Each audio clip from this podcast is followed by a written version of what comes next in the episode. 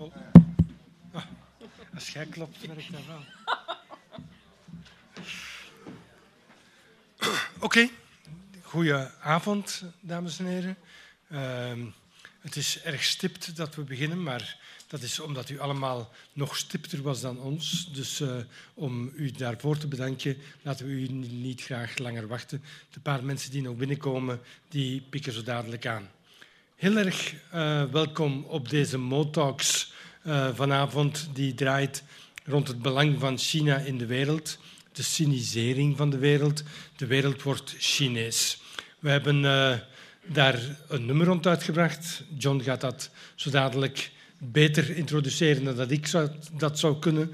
En we hebben naar gewoonte ook mensen uitgenodigd om samen met ons de lancering van dat nummer een beetje te verdiepen en niet alleen een, een, een, laten we zeggen, een promotionele mail uit te sturen, maar ook de kans te geven aan, aan een select publiek uh, om mee te komen nadenken over wat er eigenlijk gaande is in, rond dat thema en dat te doen met een aantal mensen die bijzonder goed geïntroduceerd zijn in dat thema. Dus vanavond hebben we vier uh, inleiders. Meestal uh, voor de Motalks zijn er dat drie. Vanavond hebben we er vier die elk een korte introductie geven, laten we zeggen tien minuten, waarin dat ze uh, uiteenzetten hoe zij kijken naar de vraag van vanavond. Op welke manier beïnvloedt China de ontwikkeling van de rest van de wereld?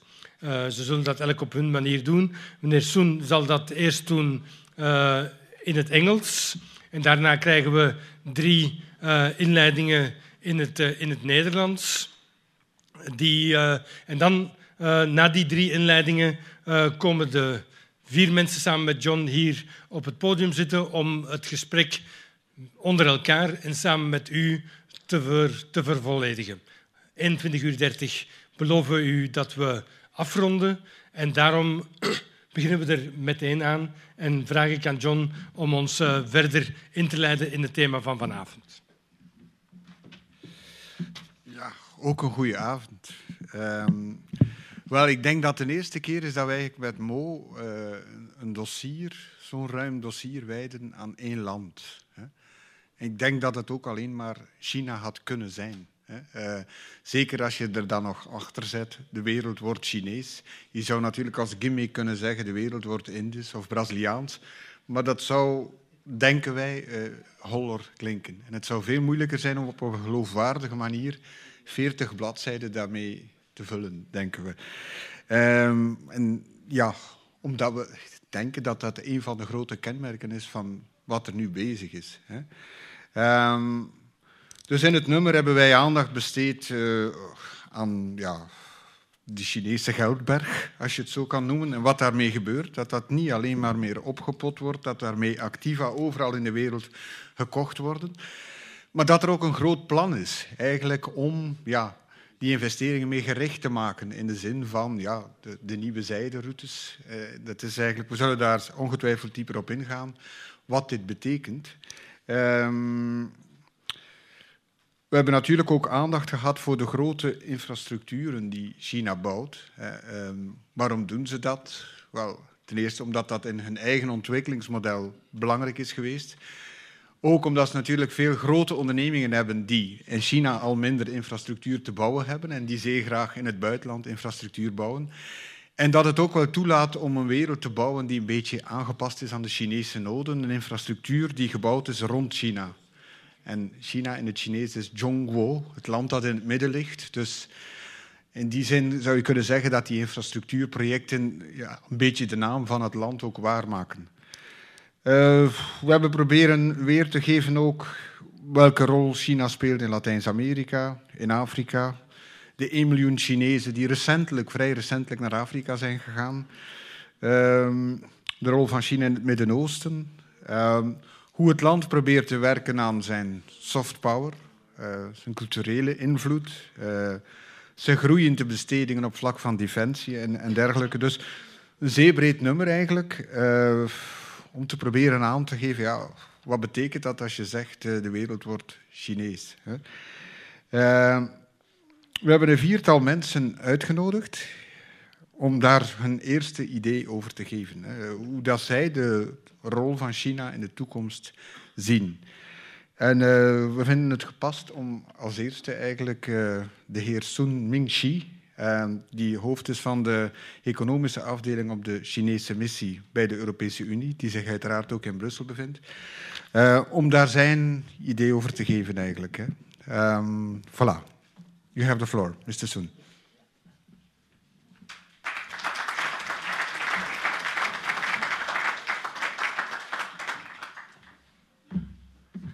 dear audience, I'm so happy to be invited to uh, speak to you about this uh, the rising role of China. Uh, firstly, I, I, I, should be I should say sorry because uh, although I have been here for more than three and a half years in Brussels, I, up to now I haven't studied uh, Dutch. so maybe uh, in the future I, I, I will try to uh, learn some, some words, some Dutch words. And uh, uh, my background is, is very simple. I was graduated from university 20 years ago, and then I was studying Finnish language in, in university of uh, in Helsinki University in Finland for two years, and then twice the two terms working in the uh, Chinese embassy in Finland. Uh, then I, the third term I was, I, come, I came here. So uh, for, I still remember 20 years ago, when I was uh, 21 years, I, uh, I was always mistaken by our Finnish friends as a Japanese. Yeah, so this shows that at that, at that time, not so many Chinese uh, studying or even uh, uh, living abroad. But nowadays, uh, as far as I know, uh, uh, we have 30,000 Chinese, enterpri- Chinese enterprises operation in, in abroad. And then we have several million Chinese studying or working in every corner of the world. And then uh, last year, more than 100 million Chinese uh, traveled abroad. Uh, so uh, throughout Europe, you can find everywhere a lot of Chinese. Yeah. So this shows the, the great change of China. Uh, during the last 30 years, more than 30 years, uh, China uh, grown from, grow, has grown from a very poor country uh, as a, into a, a, second largest uh, economy. And last year, our GDP has uh, over uh, is, was over 10 trillion US dollars. So, so when China China is certainly is on the rise. So people in the world are focused focus on uh, the, the, the, topic uh, what China use its influence, its growing influence, growing force to, uh, in the world. So I, I just want to uh, uh, share with you my own learning and own experience. Uh, first, China is a um, UN Security, UN Security Council permanent member. So we uphold these UN charters and principles. And we are actively uh, involved in the, the, the, the, the, global issue and the hot issues uh, uh, in the world. For example, last year, uh, two big issues is um, uh, this uh, climate change, the, the Paris and, conference, and China and EU, China, France, jointly issued this statement, joint statements, which ensure the success, full success of, the, of, of that uh, uh, conference, which is very uh, important to the EU and also its member states. And then uh, uh, another issue is the UN uh, 2030 agenda for sustainable development.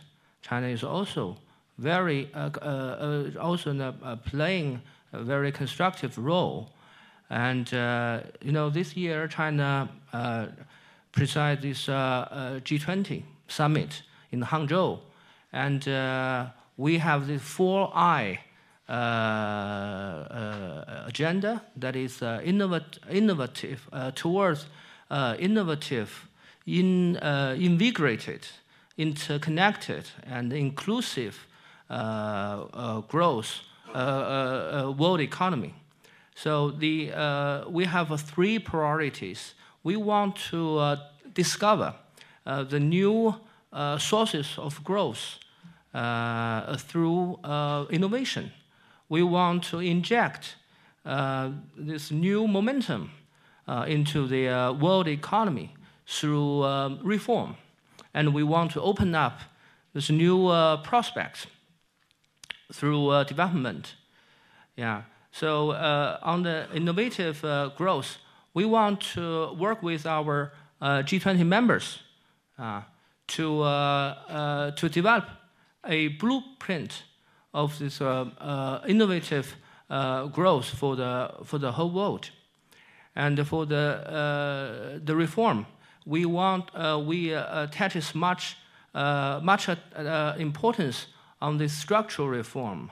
This area we share a lot with you and uh, the, I, I, I, got the uh, feedback from our EU uh, institution officials.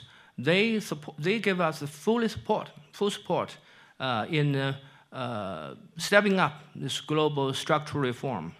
that is to, to bring the, the sluggish world economy back to the strong recovery.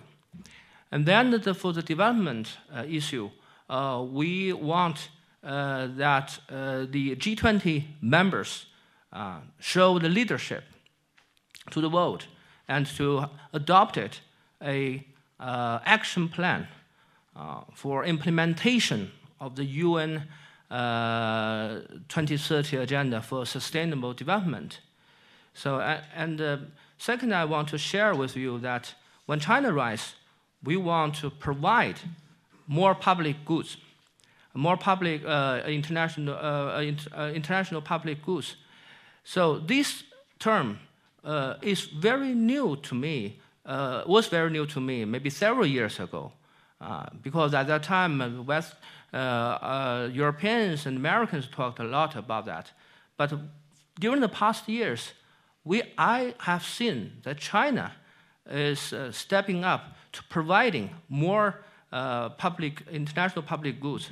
For example, we are the biggest the, the, the contributor in the, in the in the UN, UN uh, Security Council uh, to send, uh, to send the, the most peacekeeping personnel. We are the second, contribute, second largest contributor to the, P, to the UN peacekeeping budget.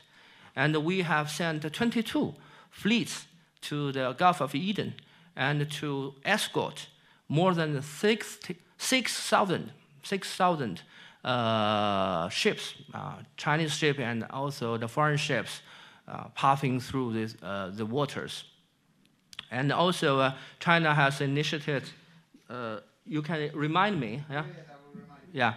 China has initiated this One Belt, One Road initiative. So we have, up to now, we have, we have calculated more than 70 Um, countries and international organizations show their interest. And more than, uh, 20, uh, more than 30 uh, countries signed this uh, uh, cooperation agreement with China to jointly build this uh, One Belt, One Road. We, are, we have these three principles that is joint consultation, joint implementation, and shared interest. We don't want to pose, impose our ideas upon others we want to, we just want to provide an open uh, cooperation platform. So everyone, every enterprises, country, or if you are interested, you want to benefit from this platform, uh, all, all of you are welcome. So uh, we also uh, we have achieved uh, early harvest. For example, we, uh, we, we, we established the AIIB. Yeah, two minutes. Okay, we established the AIIB yeah, uh, more than uh, 14, uh, 14 uh, uh, EU members uh, joined this, uh, this, uh, this bank. We have also uh, established the Silk Road uh, uh, this uh, fund, and we also uh, signed this uh, uh, uh, agreement with Laos, with, uh, with Thailand, to build this uh, uh, railway uh, in the framework of, of Pan uh, Asia uh, railway network. So, all in all, I, I, I want to say that uh, uh, when China grows uh, in size, we want to um, uh, make more contribution to the world peace, stability, and development.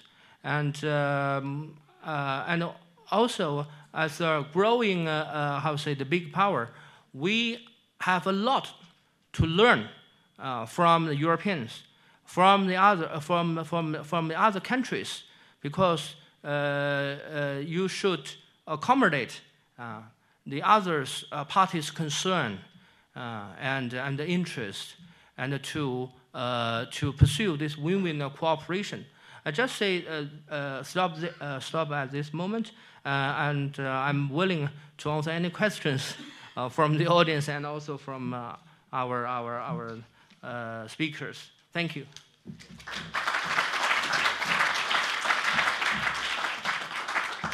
Uh, thank you very much, Mr. Sun. Um, now we go to the second speaker. We gaan naar de tweede speaker. Um, is een uh, Noorderbuur. Uh, Henk Schulte-Noordvold is uh, iemand die in de jaren zeventig uh, al gekozen heeft om Chinees te studeren. En als gevolg daarvan was hij eigenlijk een van de eerste Nederlanders die in China ging wonen. Halverwege de jaren tachtig heeft hij een toen nog klein ABN AMRO-kantoor opgestart in Beijing. Hij heeft daar een aantal jaren gewerkt, heeft dan later ook een eigen onderneming daar gehad. En heeft nu zoveel jaren later, hij is al een aantal jaren terug, nu in Nederland, een boek geschreven over ja, China en de barbaren, is de titel. Um, ik vind het een, interessant boek, um, ook een kritisch boek. En um, ik denk dat het de basis zal vormen voor zijn korte introductie die hij ons nu zal geven. Zijn kijk ik eigenlijk over, uh, ja, of op hoe China, welke rol China zal spelen in de toekomst in de wereld.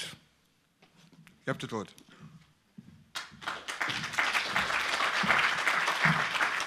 Dank, dankjewel, John. Uh, en bedankt voor de gastvrije ontvangst hier in, uh, in Brussel. Um, ik, ik, proef in de inleiding proef ik een, uh, een opwinding. Um, de wereld wordt Chinees. De wereld significeert. Dat waren jouw woorden, geloof ik. Um, het doet me denken, want ik, ik, hou ervan ook historisch te kijken. Dat heb ik geleerd als sinoloog. Niet alleen daarover. Maar, aan, aan, een uitspraak in de 19e eeuw van een Engels industrieel. Die zei: Als we iedere Chinees een, overhemdje kunnen verkopen, draaien de fabrieken van Lancashire draaien 100 jaar lang. Of een handelsmissie in de jaren 60 vorige eeuw van de baas van Unilever. Iedere Chinees een stukje zeep kunnen verkopen. Dan, nou, vul maar in. En die opwinding die is er nog steeds. Want ja, China breidt natuurlijk zich steeds verder uit. In die tijd was China nog erg gesloten, maar nu hebben allerlei fases doorgelopen. Hè. De, China is de tweede economie, de grootste handelsnatie. En ook, dat las ik ook in de inleiding, neemt bedrijven over. Ook belangen las ik in de havens van Antwerpen en Zeebrugge. En dat is natuurlijk in alle Europese landen het geval. Maar wat betekent dat nou eigenlijk? Is dat, zien we daardoor het verschil van een Chinese orde ontstaan? Ik wil tot twee kanttekeningen maken. Ten eerste materieel. Ja, de Chinese economie is enorm gegroeid, maar we kunnen ook in de krant natuurlijk lezen van, uh, dat er diepliggende structurele problemen zijn in de Chinese economie. Zeg maar het oude economische model van de goedkope handjes, om het even eenvoudig uit te drukken, uh, die alles maakten wat de wereld wil. Vooral de rijke westerse wereld, dat is aan het einde van zijn houdbaarheidsdatum aan het komen. Dus China moet een hele pijnlijke transformatie doormaken van industrie naar diensten, van minder bruin naar meer groen, en daar, daar, slagen ze een zekere hoogte in. Uh, ze zijn heel creatief. Denk aan bedrijven als Alibaba. Maar om dat even in vijf à tien jaar te doen, dat is uh, een enorme uitdaging. Dat is één. En dat zien we ook de laatste tijd terug hè, in, de, in de berichten over de overcapaciteit. En uh, nou ja, de schuldenlast, de bankenproblemen, gaan maar door. Maar op een dieper niveau is er ook iets anders met een orde. Is een orde is niet alleen een materiële orde, maar ook misschien een normatieve orde. Van, zijn, gaan Chinese na, normen en waarden nu ook voor de wereld gelden. En daar denk ik, moet ik een nog grotere kanttekening zetten, dat dat binnenkort zal gaan gebeuren. Waarom? Um, nou, ten eerste, dat zie je ook als je Chinese geschiedenis bestudeert. China is niet een land dat zijn waarden enorm wil uitdragen. Uh, in die oude tijd was China zo machtig dat de wereld wel naar China toe kwam. Je noemde het zelf, geloof ik al, Zhongguo, land van het midden. De wereld kwam eigenlijk aan het vuur van de Chinese beschaving. Al die motten van de barbaren werden aangetrokken door het Chinese vuur en gingen daar naartoe. Dat bracht ook economische voordelen natuurlijk. Maar dat was het denken. En de enige uitzondering daarvan was de, de beroemde 15e-eeuwse uh, admiraal, misschien het van hoort, Mi Zheng die met zijn schattenvloten over de oceanen, volgens sommigen zelfs Amerika bereikte, maar dat is zeer discutabel. En um, dat was eigenlijk de enige uitzondering op een beleid van dat de buitenlanders naar China toe gingen. Althans van overheidswegen, hè? want burgers en handelaren gingen al eerder naar, naar, naar buiten, zeker naar Zuidoost-Azië. Maar goed, die, nou, die Jung die, die was daar even 30 jaar actief met zijn enorme vloten. En liet niet, en dat is wel in, een groot verschil inderdaad, zoals de Nederlanders, de Engelsen, eh, factorijen achter, kolonies, handelsposten. Ze gingen weer terug. Ze trok zich terug, letterlijk achter de grote muur. Nou, en ik denk eigenlijk, en dan moet veel te lang zou dat voeren wat er allemaal gebeurt de laatste twee eeuwen, maar China is eigenlijk nog steeds bezig zijn identiteit te vinden. En dat zie je ook. Ik, in, mijn, in mijn boek heb ik allerlei intellectuelen geïnterviewd. En dat is een heel breed spectrum van mensen. Je interviewt in China niet zomaar de hoogste leiders, maar als je die bestudeert, dan zie je ook die, iets van die identiteits. Ja, discussie, laat ik, het, ik wil geen crisis noemen, maar wel een discussie. Wie zijn we eigenlijk als China? Waar staan we voor? Welke normen en waarden? Volksrepubliek China, dan zou je zeggen dat is een marxistisch land. Maar goed, het marxisme is min of meer dood als wervende ideologie. Dat kunnen we denk ik wel vaststellen. Xi Jinping organiseert wel organi uh, bijeenkomsten om het dialectisch materialisme te bestuderen. Uh, universiteiten moeten weer allemaal de Marx bestuderen. Tegelijkertijd bezoekt hij grote Confucianistische geleerden. Want China, het Confucianisme, zegt hij, is de ziel van het land. Hij haalt zelfs andere filosofen aan. Die Ganfete, een legalist, die zei de wet is nummer één. Dus hij, pikt, hij put uit allerlei vaatjes. Maar waar gaan die cocktail uiteindelijk toe leiden? Dat is eigenlijk een hele grote discussie die men niet nog, heeft, nog, nog niet heeft beslecht. Men weet niet waar het op uit gaat draaien. En daarom zegt Tu Weiming, een hele belangrijke Confucianist, die, die ook in mijn boek voorkomt, die zegt van China is eigenlijk het slagveld van drie ismes. Liberalisme, socialisme en Confucianisme. Nou, China is een praktische mensen, dat zou goed kunnen samengaan. Um, liberalisme werkt economisch, hè, de vrije markt. En, en, socialisme is voor een eerlijke verdeling van de middelen, van de welvaart. Want inkomensverschillen zijn wel heel erg groot aan het worden in China. En Confucianisme is voor de ziel van het land. Het is natuurlijk een heel mooie uh, benadering. Of het zo gaat uitpakken is nog niet duidelijk. Dan heel kort even, wat betekent dat voor het buitenlands beleid? Een ander interview dat ik voerde was erg interessant met de hoofd van de diplomatenschool in China, in Peking. En die zei, uh, drie beginselen, drie dingen motiveren onze leiders in het buitenlands beleid. Uh, economische ontwikkeling, soevereiniteit en veiligheid. En wat bedoelt hij daarmee? Nou, economische ontwikkeling, daar lezen natuurlijk het dagelijks leven over in de kranten. En meneer Soen zei zijn inleiding ook, China wil zich ontwikkelen, economisch de wereld engageren. We moeten meer innoveren. Dat is natuurlijk wel de nieuwe lijn in China. Niet, eh, niet oude industrie meer. Maar wat misschien minder goed begrepen wordt, maar wat meneer Chin van de diplomaatschool heel duidelijk toegaf. Uh, hij zei dat staat in dienst, dat derde beginsel, in dienst van die andere twee beginselen. Soevereiniteit, dat is eigenlijk een westers beginsel. Uh, vaste grenzen waarbinnen de staat absolute, absolute juridictie uitvoert, oefent heeft China zich sinds de Bandung-conferentie van 1955, kan je zeggen, keurig aan gehouden. Maar dat is wat aan het schuiven. Laten we even kijken naar de Zuid-Chinese Zee. Er is een wat ander begrip van soevereiniteit. Het wordt vaker uitgelegd als herstel van de territoriale integriteit. En dat zijn zaken waar we in Europa niet zoveel meer van doen hebben, maar die in de buurlanden wel worden gevoeld. En waar gaat het op uitdraaien? Maar het eerste beginsel, misschien het belangrijkste, veiligheid. Dan zou je denken, het leger, dat moet het land beschermen daar bestaan ze toch iets anders onder. Anquan in Chinees, veiligheid, bedoelde ze eigenlijk mee dat het socialistisch systeem, en dat staat ook zo in de grondwet, niet aangetornd mag worden. China moet een socialistisch land blijven. Dat is een politieke een axioma waar niet aan ontkomen kan worden. Nou, en dat manifesteert, zo wordt het buitenlands beleid bekeken. En, en dat leidt tot, ja, wat de economische samenwerking betreft, natuurlijk hele vruchtbare zaken. Het is natuurlijk goed dat Chinese bedrijven overzees actief zijn, maar het leidt zeker in de regio ook tot wat andere zaken die misschien wat minder uh, goed uitpakken, zeker in de beleving van die volkeren. Waar dit nou allemaal op uitgedraaid is onbekend, want wat ik al zei, die identiteitsdiscussie uh, is nog niet afgerond. Maar stel dat China een derde weg zou gaan volgen, een confucianistische weg, dan ontstaan er hele nieuwe perspectieven, maar ook niet minder uitdagend, denk ik, voor het Westen. Want wat zijn nou de kenmerken van het oude confucianistische buitenlands beleid? Het was onbegrensd en ongelijk. China kende geen grenzen. Iedereen die Chinees sprak of uh, zich tot Chinese cultuur bekeerde, was Chinees. Dus in feite waren er geen grenzen, zoals bij moderne natiestaten. En het was in zekere zin ook ongelijk. Want eigenlijk was, China noemde zich vroeger ook niet Zhongguo, niet China, maar noemde zich Tianxia. Alles wat onder de hemel is. Dat was een benaming van het land. Dus dat betekent dat eigenlijk geen grenzen waren aan de Chinese jurisdictie. Nou, One Belt, One Road. Leuke discussie kunnen we daarover voeren. Maar als dat dus, uh, daar eindig ik mijn boek ook uh, een beetje visionair. Of het zo erg gaat uitpakken, weet ik niet. Maar de kern, denk ik, wat ik nu wil meegeven, is: zolang China niet helemaal in binnenlands weet wie het is waar het voor staat, zal het buitenlands beleid ook zeker onbekende elementen blijven bevatten. Dank u wel.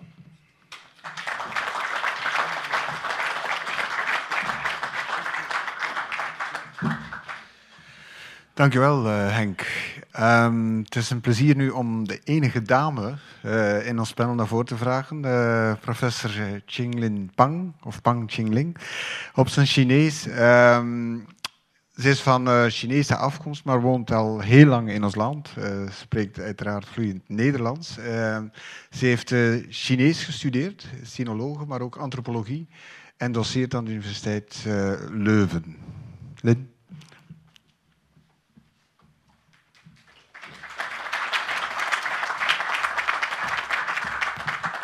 Ja, goedenavond allemaal. Um, eerst en vooral dank aan uh, Mo-magazine om mij hier uit te nodigen. Het was ook een plezier om samen met John uh, even na te denken over het concept van het nummer. En ik moet ook zeggen, dus, het is een aanrader, want de verschillende de artikels die je vindt in dat nummer zijn zeer genuanceerd. en zijn ook zeer goed gedocumenteerd.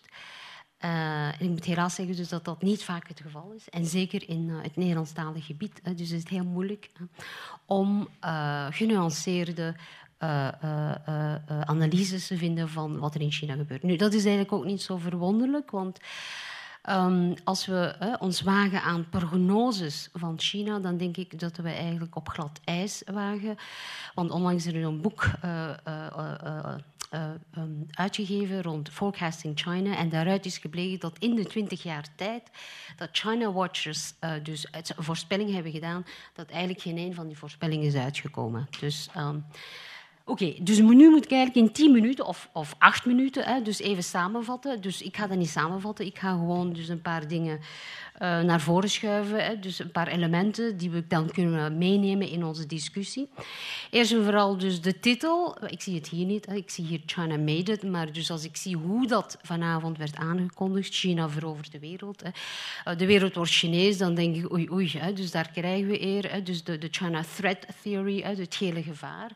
Omdat natuurlijk dus, uh, China een, een, grote onbekende is. En als je kijkt, even terugkijkt naar de geschiedenis, hoe wordt China geframed binnen de, de, Europese context, dan heb je heel vaak dus, hè, dus een, een positieve, een, een ultra-positieve, maar ook een, ultra-negatieve uh, framing, een, een representatie. En, en, binnen die negatieve representatie heb je dan de China threat, dus de bedreiging van China. Dus, heeft Napoleon dat niet ooit gezegd? Quand la Chine s'éveillera, le monde tremblera. Dus uh, ik denk dat dat eigenlijk nog heel erg meespeelt. En een ander aspect van, uh, dus dat van die negatieve beeldvorming van China is natuurlijk de China Collapse Theory. dus, dus, China gaat in elkaar stuiken, reus met leme voeten, enzovoort, enzovoort. Okay? Dus vandaar, dus, ik, ik, ja, ik, ik begrijp, je moet natuurlijk volk lokken, hè, dus met bepaalde titels. Dus die, die titel spoort eigenlijk niet zo goed hè, met, met de teneur en, de inhoud dus van, van die artikels.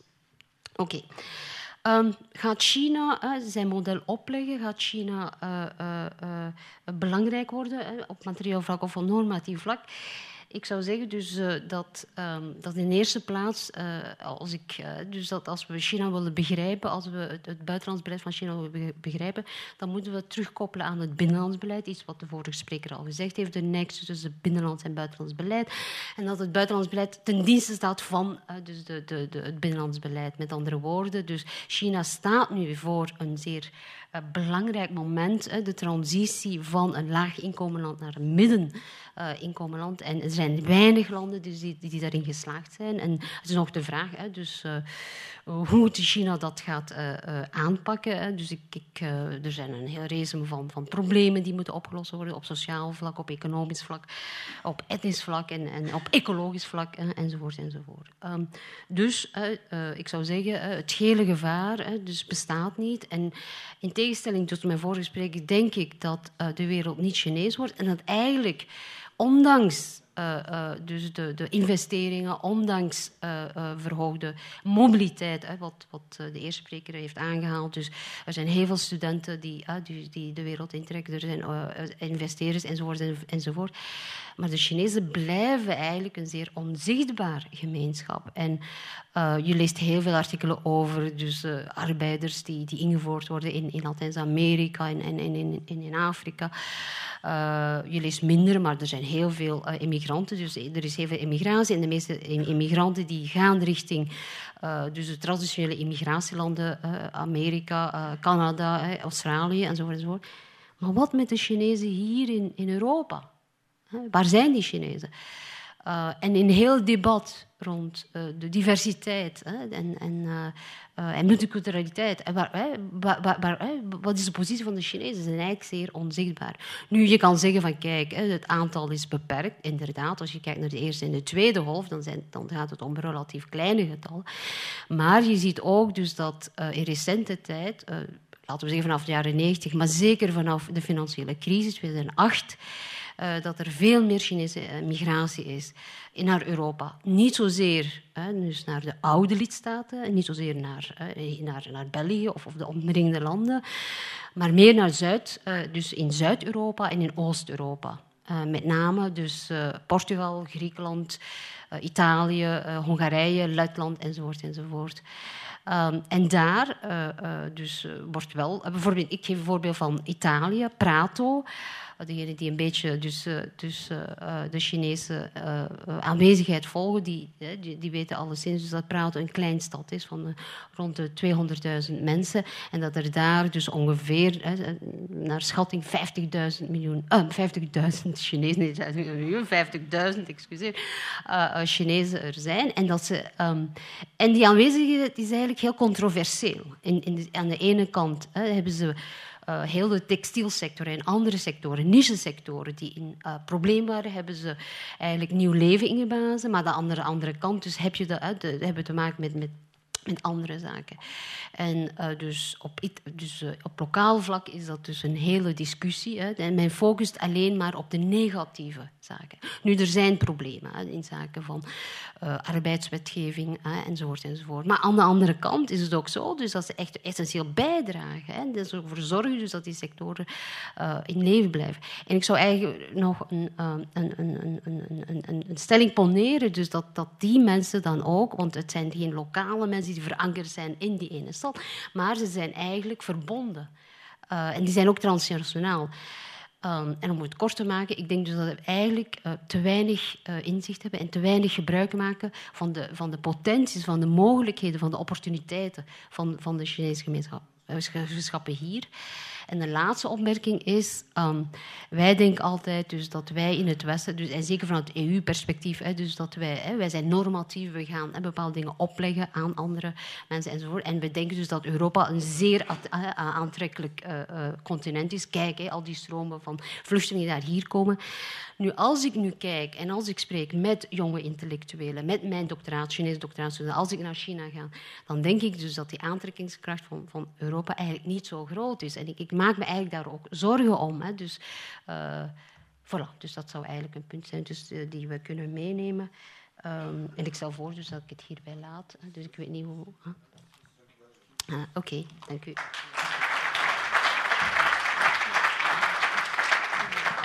Ja, inderdaad. Ik wil, uh, ik wil inderdaad uh, toegeven, Lin, dat we vooraf een beetje samen hebben gewerkt en dat je me onder meer in contact hebt gebracht met Yen Shuitung, een van de mensen die ik interview in het boek, een van de vooraanstaande politologen eigenlijk in China. Een, zeer interessant gesprek en dank u wel daarvoor.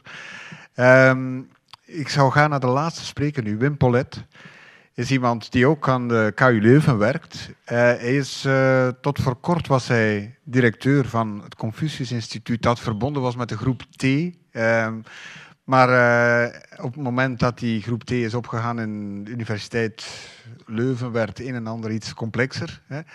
Maar in ieder geval, wat Wim al vele jaren doet, is eigenlijk uh, buitenlandse studenten die naar Leuven komen uh, ontvangen, begeleiden. Het is eigenlijk ook vanuit uh, dat oogpunt dat hij zijn tussenkomst hier zal doen vanavond. Wim, we zijn er klaar voor.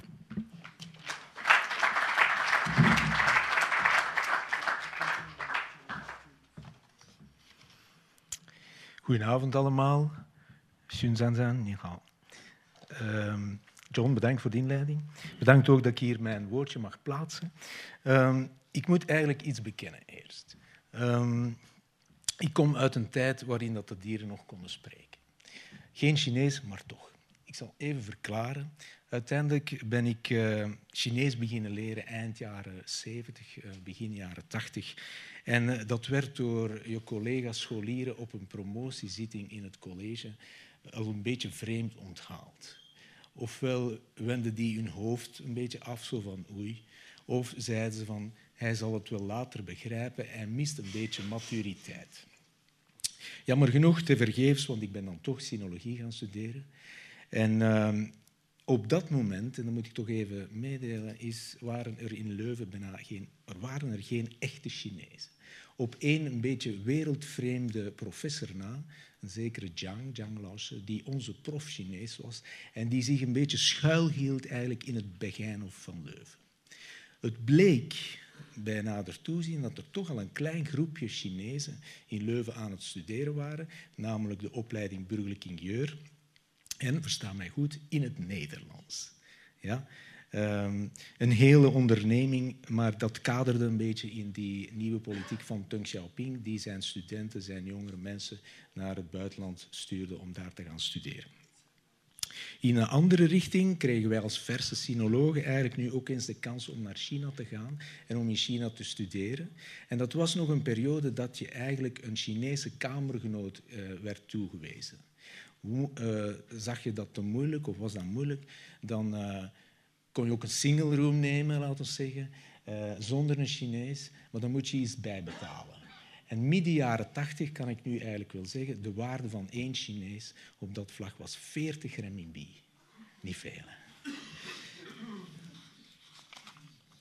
Oké, we draaien eigenlijk de tijd 30 jaar door. En ik ga u een paar cijfers geven. Um, in 2014 bijvoorbeeld vertrekken uh, bijna een half miljoen uh, Chinezen, jongeren, studenten naar het buitenland. Um, en dat brengt de aanwezigheid van de Chinese studenten over heel de wereld op een aantal van 1,7 miljoen uh, mensen. Zij kiezen in orde van belang van voor landen like ja, de Verenigde Staten, Groot-Brittannië, Australië, evident zijn Engelstalige landen. Japan, omdat het niet ver van huis is. En uh, Frankrijk zit eigenlijk ook nog in die top 5. Uiteindelijk mag je niet vergeten dat Frans in, in China zowat uh, geëvolueerd is tot de tweede buitenlandse taal. Wat leren we nog meer over die situatie? Wel, die verandering is toch wel heel uh, sterk in die zin. Meer dan 90% van die totale bevolking, de studentenbevolking, die betaalt zelf. Ja? Die overschot van 10%, dat is nog iets dat de China Scholarship voor zich neemt om Vroeger waren ze enorm geïnteresseerd in het sturen van PhD's en postdocs. Maar ondertussen zijn ook undergraduate studenten eigenlijk in het vizier gekomen. Dat is vreemd, want vroeger moest de CSC daar helemaal niet van hebben. Dat waren undergrad studenten, dat waren kleuters, die waren net van de ketting. Die kon je geen maturiteit eigenlijk verzekeren om naar het buitenland te sturen. Dat is nu veranderd. Een bachelorstudent in China kan nu één jaar financiering krijgen om tijdens zijn bacheloropleiding in het buitenland te gaan studeren. Wat ook nieuw is, is eigenlijk dat 30% van die Chinese aanwezigheid in het buitenland ehm, de studentenaanwezigheid, dat die eigenlijk langs de poort van de middelbare school binnenkomt. Dat is ook totaal nieuw. Dat zijn een beetje de mensen die dan bekend zijn als de National Exam Skippers, die een andere weg zoeken om eigenlijk dat nationaal examen te ontlopen en rechtstreeks via de middelbare school naar hogere studies uh, in het buitenland geraken. Voeg daarbij dan ook nog eens dat het aantal Chinese afgestudeerden dat terug naar zijn land gaat, elk jaar stijgt met een 5% Op dit moment zien we dat er een, een 70% van die uh, Chinese studenten teruggaan naar China. Men noemt dat de haikweis, de mensen, sinologen in de zaal zullen dat wel kennen. Die, noemt dat de zeeschildpadden die terug naar China gaan. In tegenstelling tot de toepies, dat zijn de kevertjes, de grondkevertjes die in, hun eigen land blijven.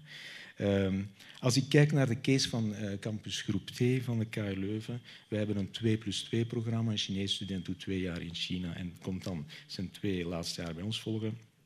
Sinds 2000, 2001 hebben wij 350 jongeren zien passeren en 65% van die populatie is terug naar China gegaan. En op dit moment is het nog altijd zo, als je als Chinese student teruggaat met een zekere studieverblijf, ervaring, soms ook een, een, werkervaring, kan je een betere job vinden in China in vergelijking met diegenen die niet naar het buitenland gegaan zijn en die je studiegenoot waren misschien het eerste of het tweede jaar. Nog een cijfertje waar eigenlijk niet zoveel belang wordt aangehecht, maar toch vind ik het belangrijk van mijn kant, namelijk het aantal buitenlandse studenten dat naar China gaat studeren is ook een populatie dat aan het stijgen is. We spreken in 2014 over 377.000 uh, man. En uh, dat zijn dan vooral wel mensen uit uh, Aziatische buren en uit Afrika. Maar China, het ministerie van Onderwijs in China, heeft een plan opgevat om uh, tegen 2020 een half miljoen buitenlandse studenten eigenlijk te verwelkomen in China. Daar zal nog het een en ander van inspanning moeten geleverd worden. Men focust op degree-seeking studenten. En uh, men probeert projecten op te starten, bilaterale partnerships, joint institutes. En uh, men probeert, of men zal de, deze studenten natuurlijk ook een gemakkelijkere toegang tot een job in China zelf moeten geven. Goed. Um, allemaal goed en wel, hoor ik jullie zeggen. Om de oren slaan met cijfers, typisch Chinees. Maar toch, de dingen die ik eigenlijk aan jullie wil meegeven, is het volgende. Ten eerste, het aantal terugkeerders, die waarde daarvan, je mag dat toch niet onderschatten. Zij hebben, China, zij hebben buiten China eigenlijk nieuwe dingen geleerd. Ze hebben nieuwe entrepreneurship skills verworven. En ze komen ook van, terug van overal uit de wereld. Het zijn die mensen die vooral gaan werken bij die drie innovatieve koplopers in China die bekend staan als de BAT, BAT, de Baidu's, de Alibaba's en de Tencents, um, die uiteindelijk de afgelopen jaren China gestuurd hebben van een copycat naar zelfs een leading internet innovator. Je hebt natuurlijk ook nog de blijvers, diegenen die niet terugkeren naar China en die een beetje gezwicht zijn voor wat ze zelf noemen de minder gestresseerde arbeidsethos hier. Ja? Uh, die zijn zich aan het verenigen ondertussen. Ja? En die verenigen zich in de ACP's van deze wereld. Ik weet niet of jullie dat kennen, de Association of Chinese Professionals.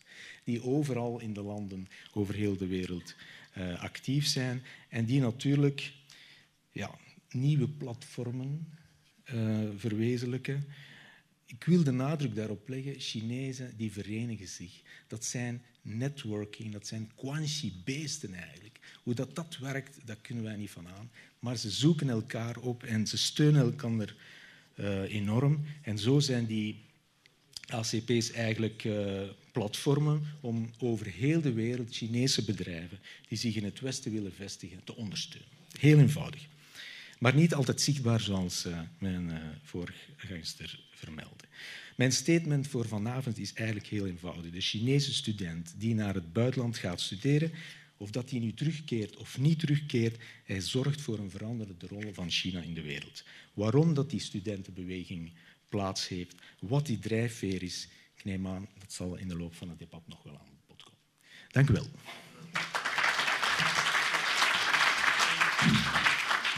Uh, Wim, je mag hier eigenlijk blijven en ik uh, zou ook de andere sprekers willen vragen om naar voren te komen en hier een microfoontje aan te doen. Dat zal eventjes duren, maar toch niet veel langer dan een minuut of twee, denk ik. Ja.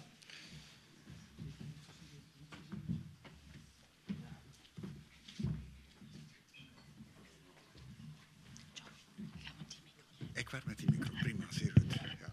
Oké. Ga je de andere mensen de micro aandoen? Ja.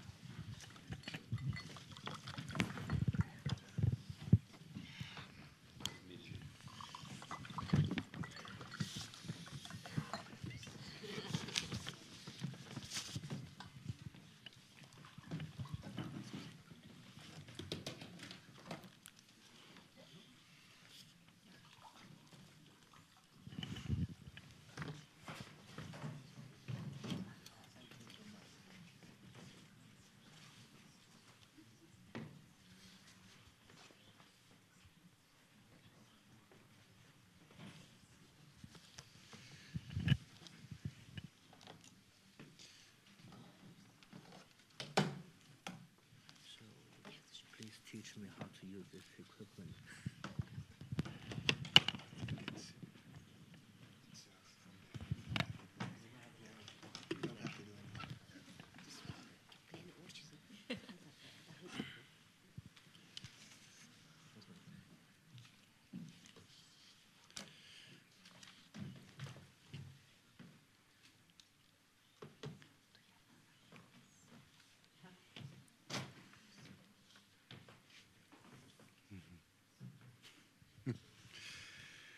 Oké, ik denk dat we er bijna zijn. Hè? Uh, goed, ik heb toch het uh, gevoel gehad als ik luisterde naar die vier tussenkomsten dat er een zeker spanningsveld was. Uh, en natuurlijk ga ik daarop eerst ingaan. Uh, evident. Natuurlijk weten we dat je niet zwart-wit kan oordelen over een fenomeen zoals China. Maar ik had toch de indruk dat er bij Henk uh, een iets kritischer nood was. Dat is ook, als je zijn boek leest, is dat heel duidelijk. Hè? Terwijl dat Lin zei, ja, Chinese gevaar bestaat niet. Ik, ik zou willen beginnen, Henk, met een aantal zaken die je in je boek aankaart, die, die ik redelijk concreet vind. Ah ja, sorry, I have to speak English. Ja, ja. So, um, I started by saying that there's a certain difference of opinion if, if I listen to the four uh, speakers. Um, of course, you can't speak in black and white about China, but as a journalist, I have to focus on the differences. So, and I said, um, I read the book of, of Hank, and um, yeah, what he's saying about um, the way China interacts with its neighbors. Uh, and you mentioned it when, when you spoke, Hank, the, the, the urge to yeah, get back what China lost in a way. The territories. And this is not only Taiwan. This is also South Tibet. This is might be Mongolia. Uh, I don't know, but the way you write about it is, is quite critical. So maybe, yeah,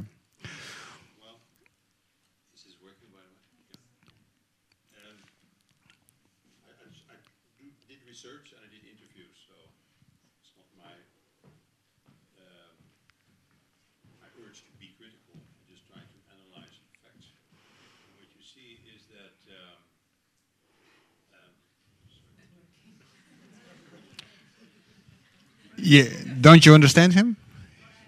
Yeah.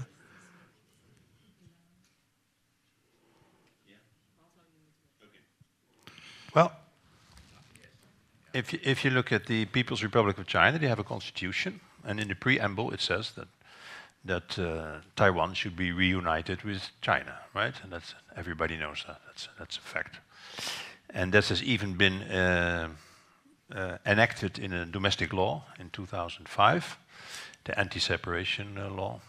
China of Taiwan is forbidden to declare independence. Um, if they do so, there will be um, a risk of, of, of use of force.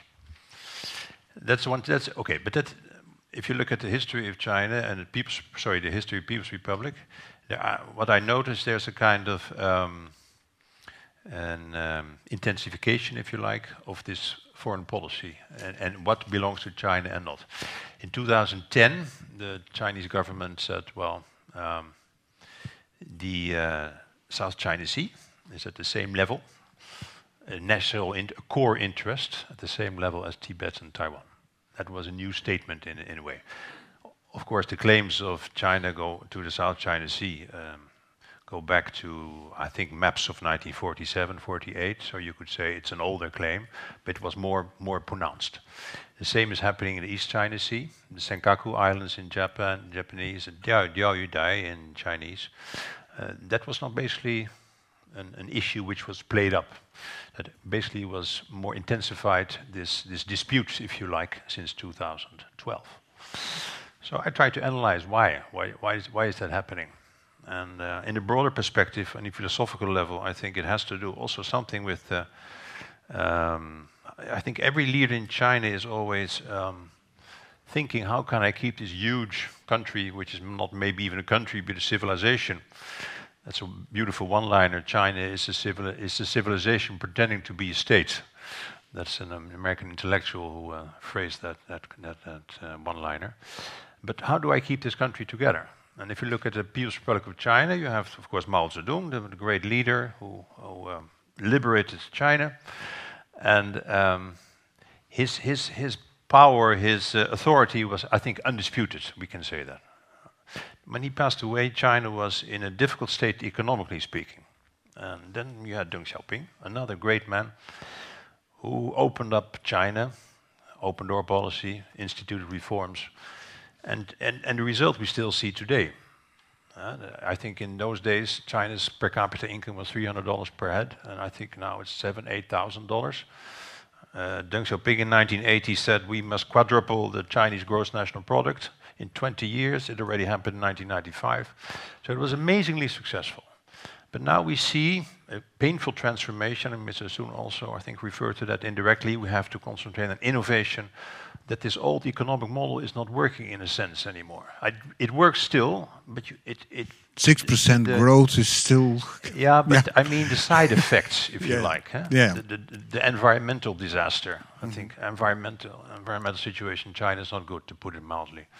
Um, income disparities, um, problems with corruption. I think not. For, there's a reason that uh, President Xi uh, focuses on that. So there are many issues, and I feel, in a way, to strengthen domestic legitimacy, the, the international card, if you like, the international uh, focus on um, territorial integration. Let's put it that way, in that, in that, in that phrase, is more is stronger than before, and that's why I, that's what I analyze in my book by talking not only by secondary research but also talking to people.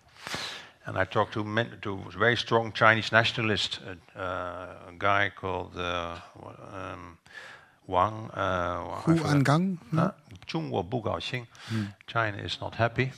Wang Xiaodong. Bo, I think Wang Xiaodong. Anyway. Um, it's in my book. Where's the book? yeah. Yeah. And he said China should be even much stronger. Should be much more stronger. We should. Uh, mm. We should be like Americans. He said in the interview, we should be like America. We should be imperialist nation. And uh, he said, I said, oh, what does China look like in the future? He said, well, I, the West should not hope that China becomes a democracy. Why? Because the people of China are much more nationalistic than the government.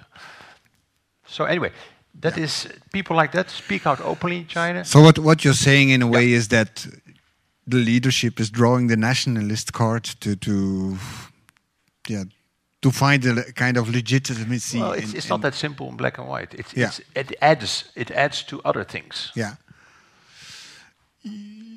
Sorry. Yeah. Yeah. I think, you know, when it comes to analyzing you know, the, the identity making of China, there, there, are many voices, right? And you mentioned one, the native.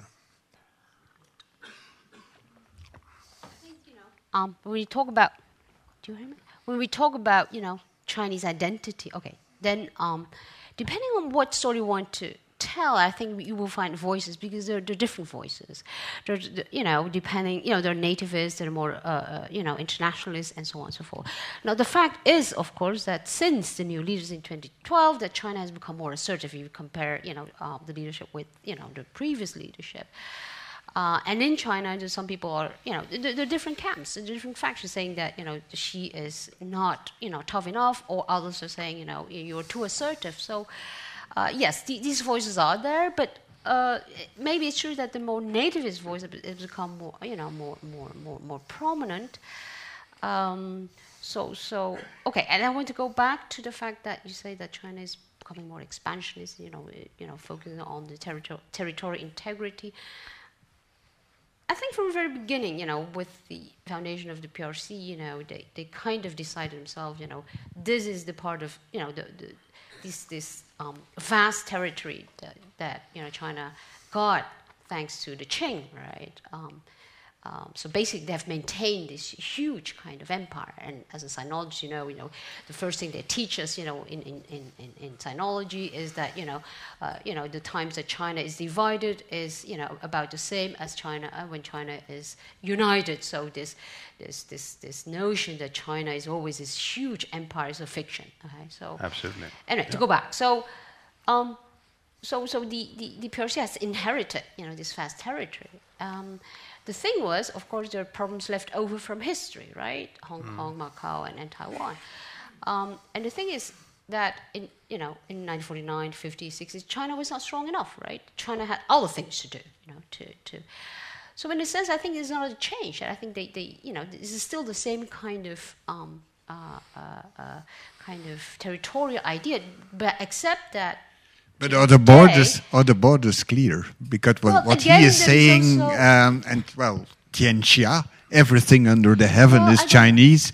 Does well, this still exist? This idea, or is this uh, something we manufacture? Or yeah, yeah, yeah, uh, yeah. Maybe I can uh, give some some explanations. So uh, uh, China has, an, uh, I think, over 16 or 17 neighboring countries. And we have solved these uh, uh, territorial disputes uh, by the uh, bilateral agreement with 14, with 14 countries. So you cannot uh, get a conclusion that China uh, is reluctant to solve the territorial disputes through peaceful negotiation, bilateral negotiation.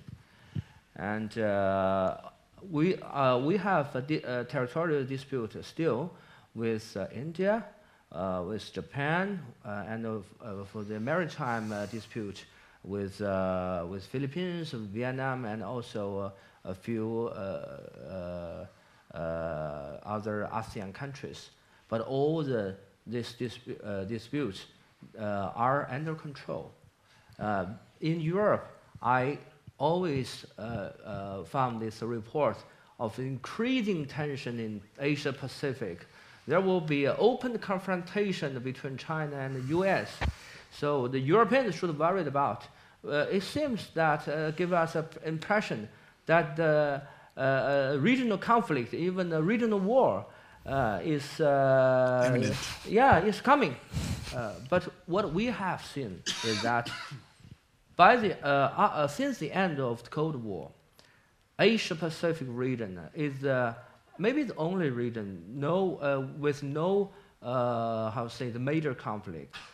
Europe, in Europe, many Europeans taught us you should draw lessons, good experience from Europe. You we have this um, security architecture. We have a series of, how to say, the these confidence building measures, mechanisms. So uh, you, you should learn from us. But we, what we have seen is that there are several wars, conflicts, open, severe conflicts in Europe, in the neighboring, and uh, in also in your neighboring areas uh, since the end of the Cold War. So why? Why? The, the, the reality is so, so uh, is this.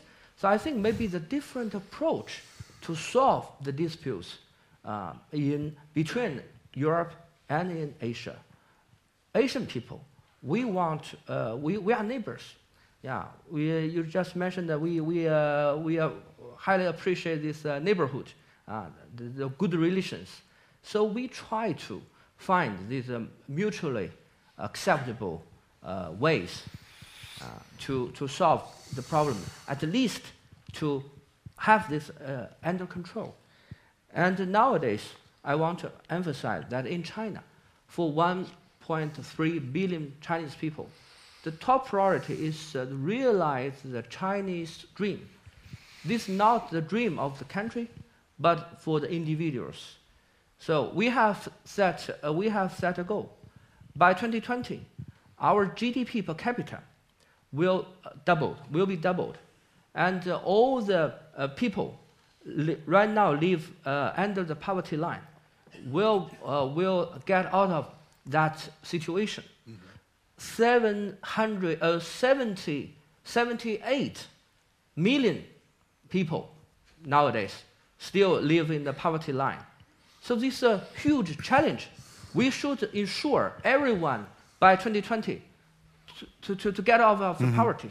So you're saying these are our main objectives? Yeah. Not making war and Not making war. and you say, by the way, look to yourself because in your own continent Yeah. and in the neighborhood you have more wars than us. That's that's more or less what you're saying. Yeah? I, I mean, in a more uh, brutal way, but yeah, yeah, yeah, yeah. Okay, yeah. Hank, you want to react to that, or or Wim, or yeah, Yeah, some words I want to Yeah. add, in fact, because, okay, we talk about students, new generations, the Balinghou, the Jiulinghou, Ah. the new generations of students. What I feel, you're talking about nationalists and all these things. Uh, what I feel among the Chinese, there is an identity to be Chinese. And the Chinese who are living here for long, like my colleague or others, when they are together, they, they like they like it very much to be together. If people, if Chinese people meet each other abroad in other countries, immediately there is a yeah there is a link or something, and that is not because the CCP said okay you're Chinese so you you look for your uh, going. So I want to see that okay? We have new generations, we have youngsters, the they go abroad, what is a good thing, they see other things. Most of them go back, but I say, okay, it's not about uh, politics, it's just they feel okay to be Chinese. Sometimes they, they feel probably too okay to be Chinese. and What do you mean by that? well, that they sometimes have the feeling to tell us, okay, you're a Flemish, you're a Belgian. We, sorry, we are Chinese. It's, it's not our fault that you are only a Belgian, okay? But we are Chinese. They don't say that uh, literally, but I can feel it in that way. It's a Yeah. way, it's, It's a way of, yeah, they're happy to be Chinese. That is the Yeah. thing.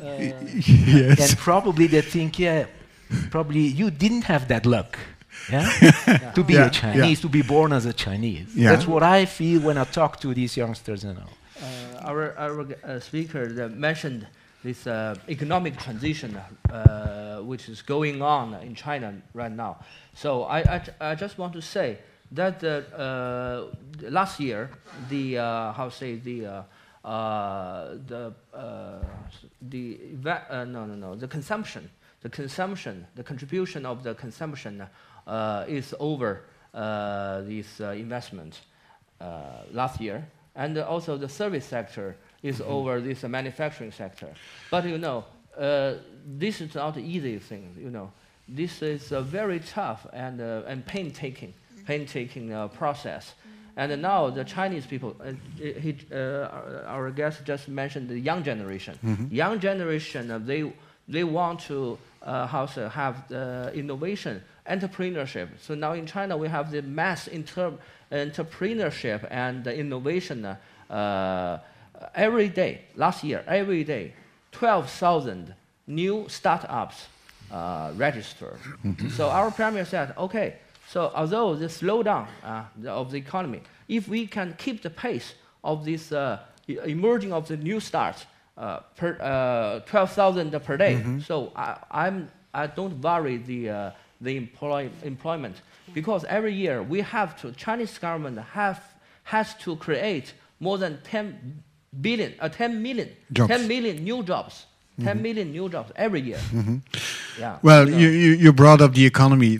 I, I, would like to go to indeed Yidai Yilu, Uh, one Yidai, road, yeah. one belt, Yeah. the, the Silk Roads and the massive investments which Yeah. will be attached to that. And, and one question I, I'm posing myself um, for whom will this be good? eh? Uh, in, in one of the articles, I also discuss it. I mean, that um, will it mainly be good for the Chinese companies which are building the roads, or will it be give and take, win win? As is the official policy, of course, uh, of, of, of China. eh? But so, yeah. Anybody wants to come into that, or Maybe first Yeah, Mr. please. Sun, and then we react to Mr. Sun. Okay. Okay. So, uh, for example, just uh, uh, take the example uh, between China and Europe. Uh, last year, during the summit, uh, China-EU summit, we decided to uh, have this, uh, uh, this uh, building, c- jointly building this uh, connectivity platform uh, between China and Europe. So, and uh, now we have uh, over uh, 100, uh, how say this, uh, freight, freight trains uh, between China and Europe, uh, European many uh, cities. So this uh, is this uh, how say this if we jointly create a how say the integrated uh, uh, market for the Eurasia continent, I think it's not only uh, uh, beneficial to China and, U- and the EU and the member states, but also uh, to the all the uh, countries along the line. Yeah. Yeah. Okay. Yes, that's true. Uh, there's a connectivity issue, of course. Uh, I think a container now from Ch- from from Shanghai to Rotterdam or Antwerp takes Yeah, yeah, 35 yeah. days, From and if you go yeah, overland, there it's 16 days from Chongqing uh, by rail. Goes much quicker? But of course, another element which is clearly beneficial to China uh, and, and, and rec- receiving countries as well. But first of all, China is the overcapacity in terms of, of the construction industry, the engineering industry. I mean, if you if you drive through China, it's quite full with railroads and high-speed railroads and, and ports and airports, you name it already. But these companies have a lot of capacity. So if you can export it also by using AIIB, a bank which is, well, uh, which in China is the major shareholder.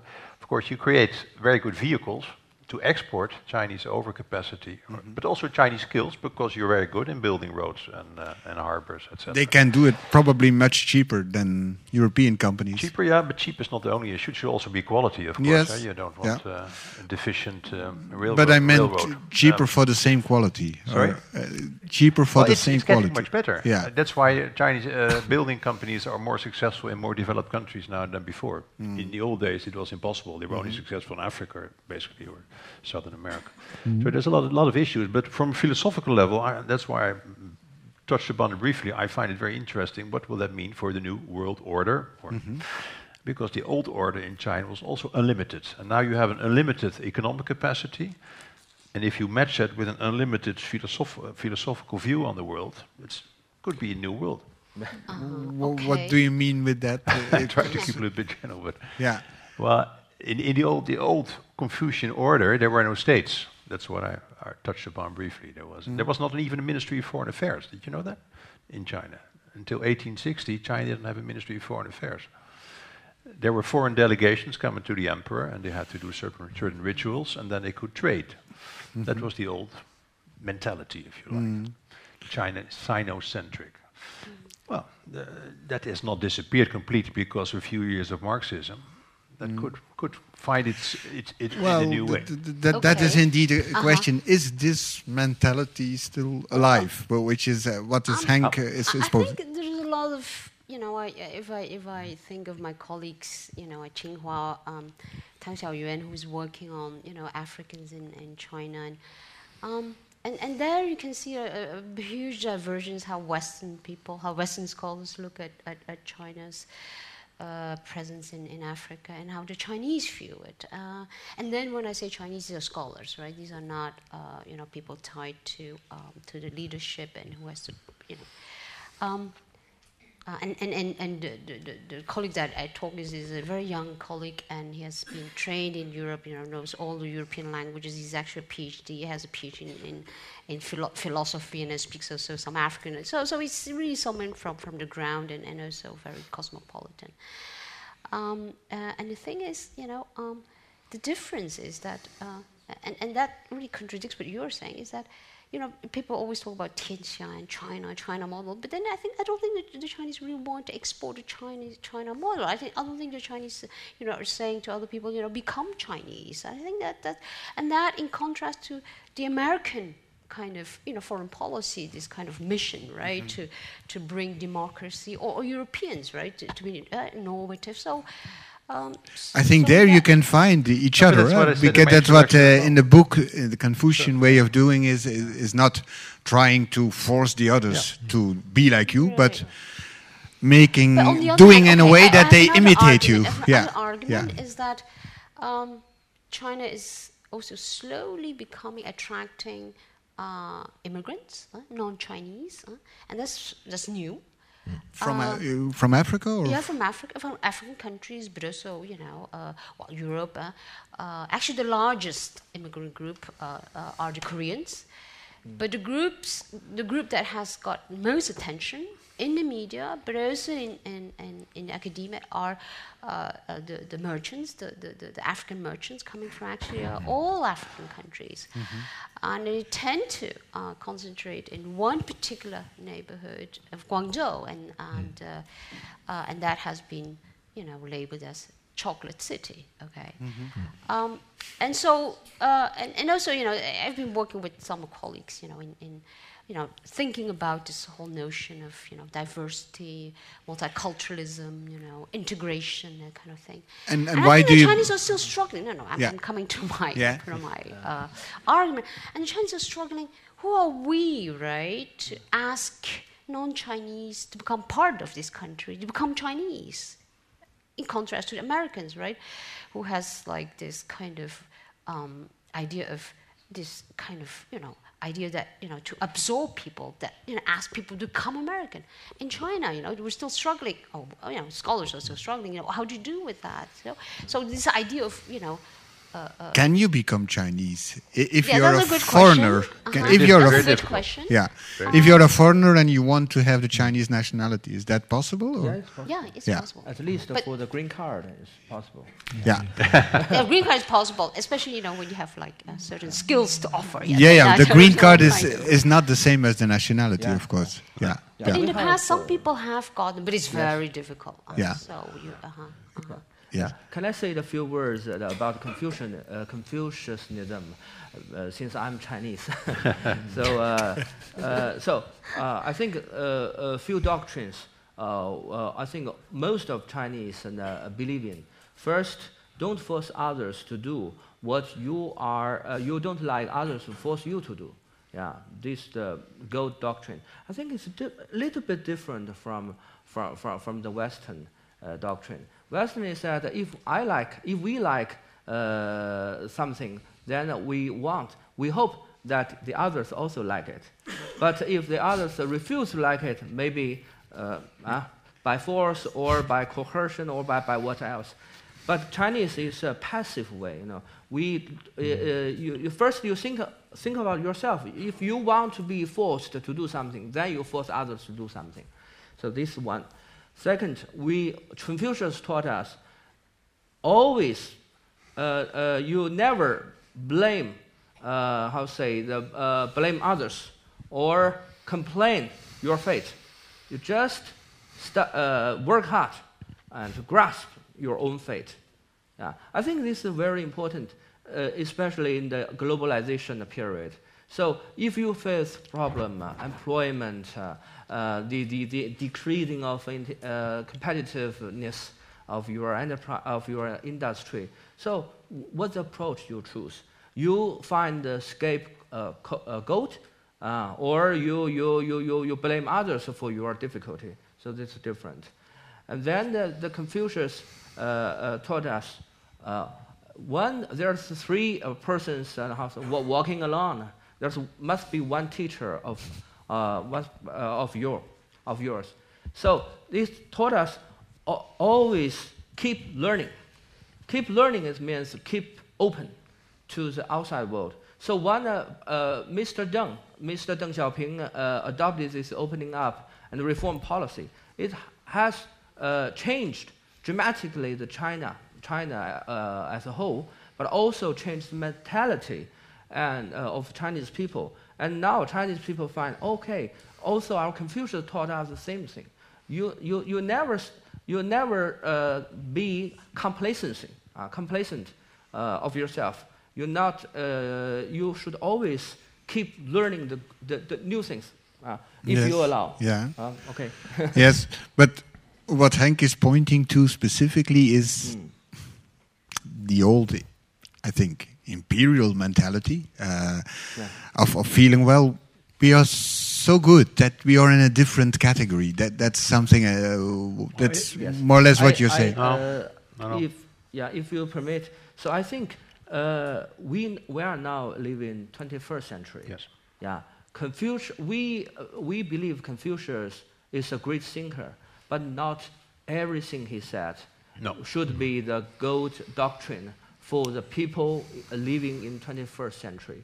I think uh, Mr. Deng Xiaoping has done this when he, uh, op- uh, when he adopted the opening up and reform policy, because it's, this is not what Chairman Mao wants. Right. Yeah, that it was a big change.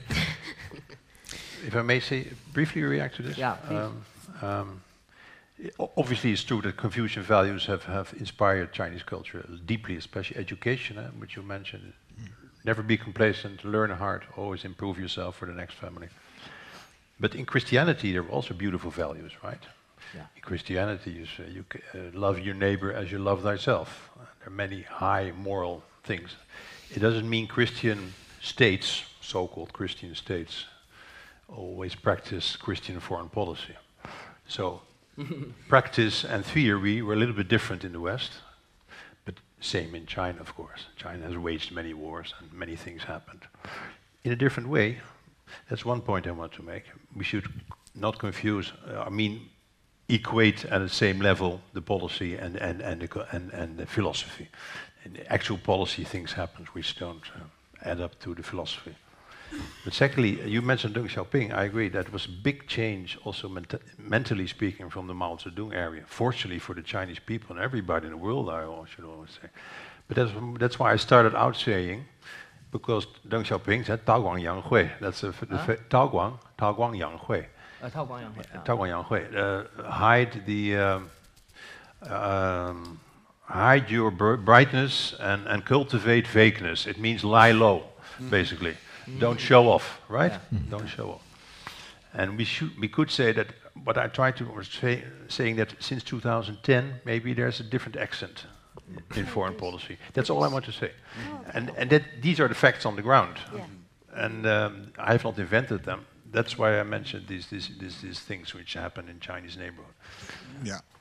I think uh, uh, I think what, what you uh, uh, point this term uh, initiated by Deng Xiaoping, Mr. Deng, uh, does not mean that in his mind uh, he can uh, how to say compromise on principle, uh, compromise on China's sovereignty, because uh, Mr. Deng said to his Japanese counterpart and also the Philippines counterpart that we can uh, uh, put them put those uh, how say this uh, dispute on shelf. Yeah, yeah, Uh, shelve it, But yeah, yeah. that but does not mean that we uh, how to say we we, we, we, we acknowledge uh, that uh, this uh, this this has uh, been uh, settled uh, these aff- affairs.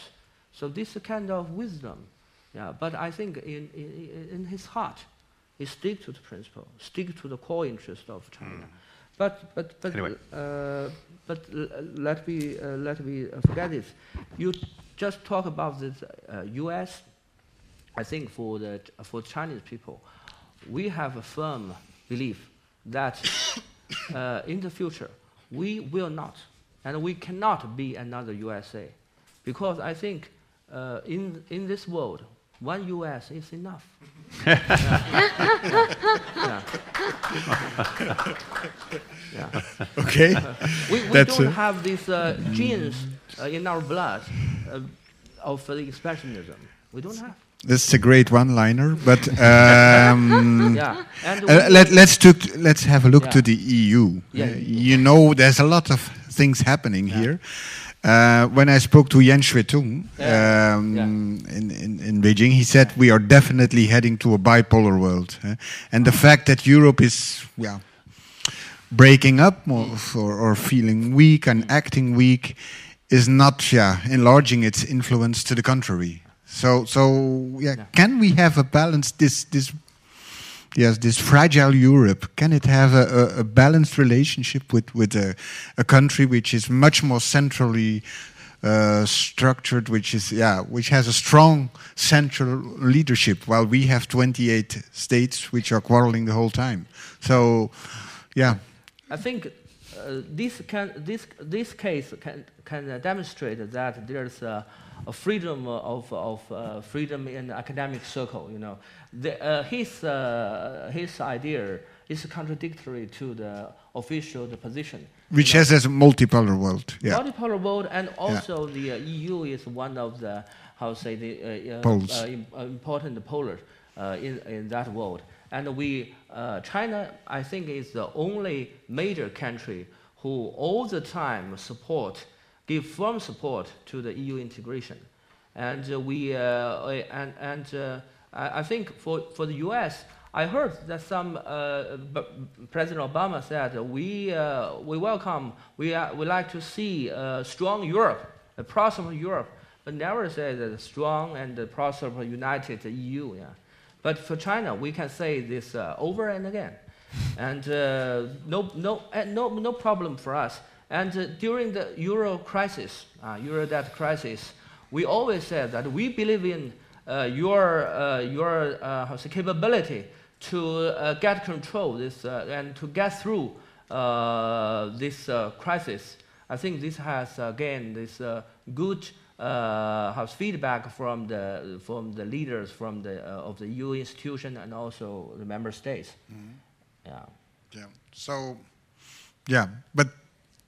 My question was, can we have a balanced relationship? Because you say we would like you to be a union, but we are. It's very you are difficult. The union. You are the union. Yeah. Yeah. yeah. I think uh, EU. Uh, if you if you look at this, uh, uh, uh, how to say, economic volume, uh, it's an, it's the largest. Uh, it's the largest uh, the economy in the world. Yeah.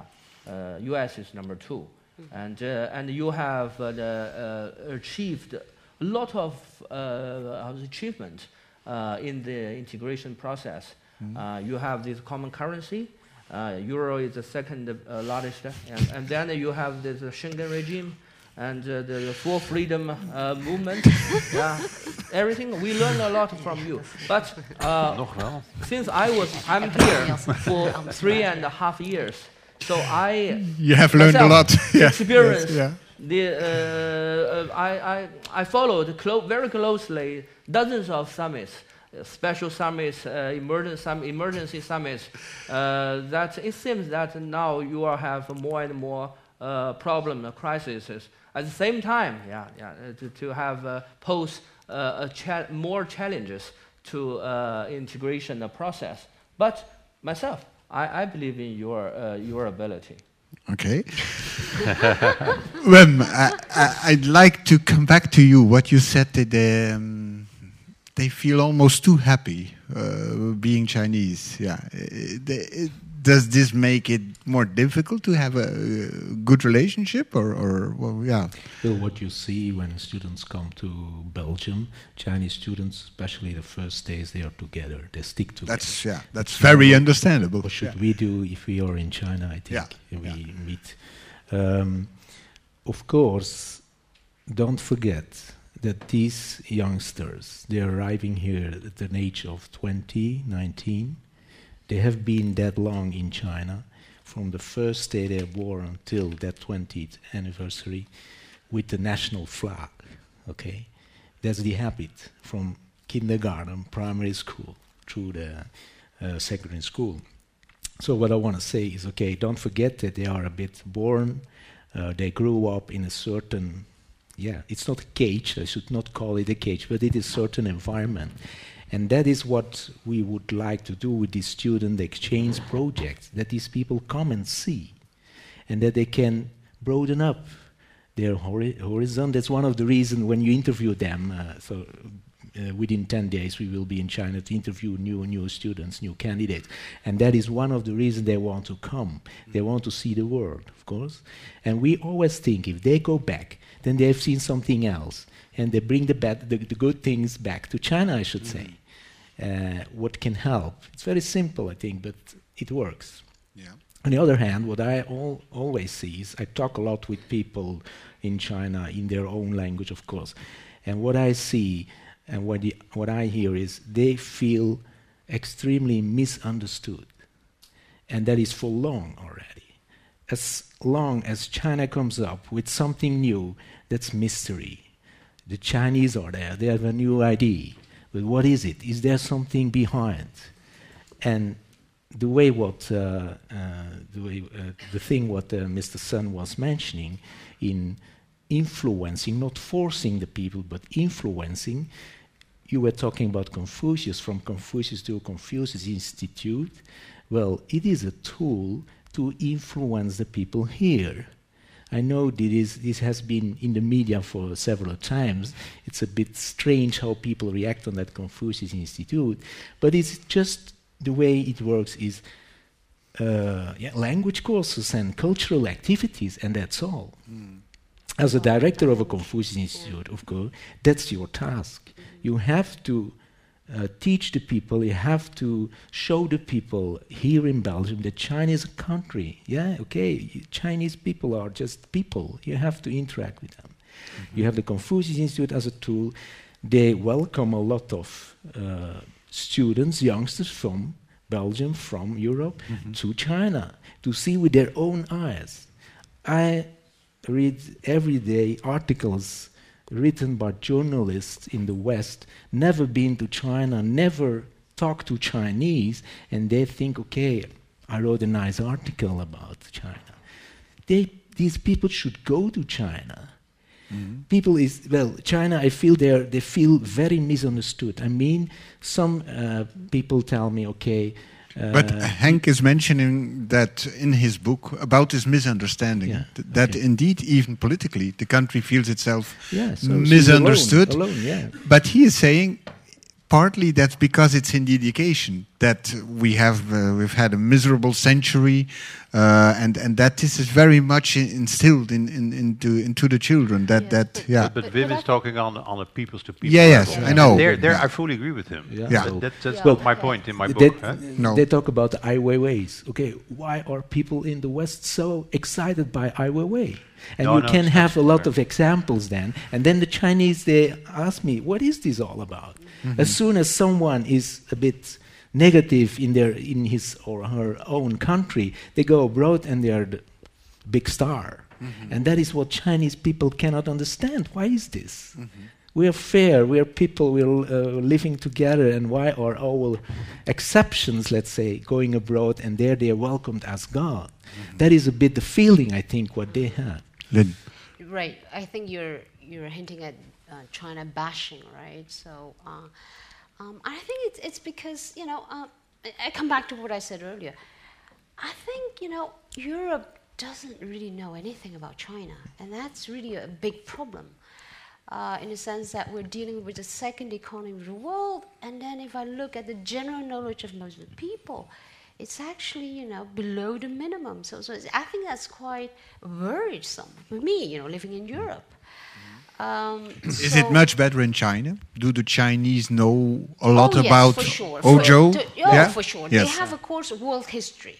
Yes, right? they're, and they're eager to do that. Yes, they're, one. They're uh, curious. Secondly, se okay, so they have not only in, in China but in all Asia. Yeah? It's only us, you know, in Europe that we only learn about, you know, the European uh, uh, history. We had an opinion about that. that world history. Okay, uh, that's one thing. Philosophy at the and University of Leuven is only Western philosophers. Yeah, you don't have any others. Right, yeah, second, yeah. second thing is, and, and I, um, uh, you know, I, I, I uh, coincide with Wim. What Wim is saying is there's also this eagerness of Chinese people to go abroad to see not only young, you know, bright people, but even among the internal migrants, you know, come from very uh, small areas. They also, if they don't have the chance to go abroad, they have the, ch- they, they have the chance to do the small migration, go into big cities. This hunger, you know, to see, not, you know, because uh, outside world is better, but they want to see, you know, and then come back. Um, and that I miss totally here. I'm sorry. I, I well, not totally. I, I should not exaggerate. Uh, because I teach um, at KU Leuven, I teach at, at uh, uh, University of Antwerp, and there are so many opportunities now for young people to go to China because China is very eager to set up exchange program, and they can go to the best university. I think the Chinese people, uh, Chinese students, can only dream of, you know, of, of getting access so easily to Tsinghua, to Fudan, you know, the, the, the best of the best. And you know, and who, who, who, who, who, who is interested in that? Um, non-Belgian students, Dutch students, American students, all, all the other. And the Flemish students, well, I don't know, you know. So I think it's really, we really have to do something about this, you know. So, and, and I think having, uh, you know, having funding, and it's not enough. I think it's something deeper. And then it has to do with soft power and, and representation and, and so yeah. on and so forth at the beginning of opening up uh, uh, pro uh, process, there are uh, hundreds of thousands uh, best students, Chinese students, went abroad, mainly to Europe and the United States. At that time, there, very, there was very deep, very deep concern in China that they complained Mr. Deng's policy. So you, you drove all the talented, all the talents abroad. So who will build our country? Then uh, Mr. Deng said, you should be uh, uh, self-confident. If you work hard and, and to, to modernize the China, then they finally they will, they will come back. I think uh, uh, nowadays, uh, professor said there are also the 50, 100, half million Chinese students go, go abroad, and, and 70% of them choose to come back. I think it, uh, uh, it shows the trend. If you should first do uh, how say the, do, do your do your homework to, to build your country your own country uh, in a good shape. And then you you just wait for for, for your talents to come back. We have this uh, confidence. But for Europe I, I personally I'm concerned about this uh, how say this trend this worrying trend this to, to sliding into a, how say, the closed fortress. You mentioned uh, uh, this, uh, this Wang Xiaobo, uh, Mr. Wang Xiaobo is a, a populist nationalist. I think there are more and more nationalist uh, populists now in Europe. Uh. I think everyone will agree with us. So there, uh, so so and, and also for for example, I attended a CEPS a, seminar talking about this sharing economy. Uber was uh, uh, uh, banned in, in, in, many cities in Europe. At first, in the beginning, Uber also met some difficulty in China, in Beijing, in Shanghai. But we solved it. Local government solved this problem. Uber uh, uh, operates now in China, and now we have uh, this one of the top four global sharing economy uh, this, uh, the startups. Now in, it's a Chinese company. So we, we, we, we think that we should uh, embrace the new, uh, uh, how say, economy, yeah, with, mm-hmm. your, with confidence. We cannot close your door. Okay. Um, I think it's time for the public to ask some questions or give some remarks. Of course, not long exposés, but um, yeah not all together, of course, uh, or is everything very clear? And yes, the lady there, yeah.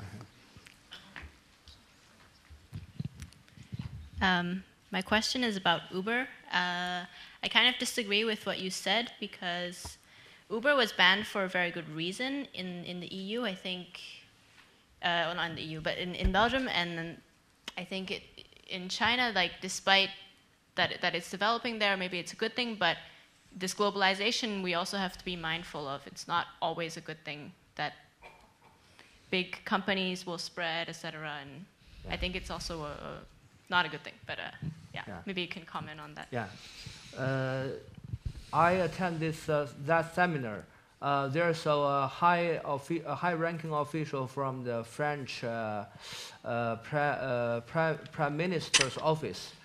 Uh, she gave me an impression that I think it's quite European. if you hear about a new innovation, and then the second I, word coming to your mind is definition. what is this? Uh, we should make it. Uh, we should make clear.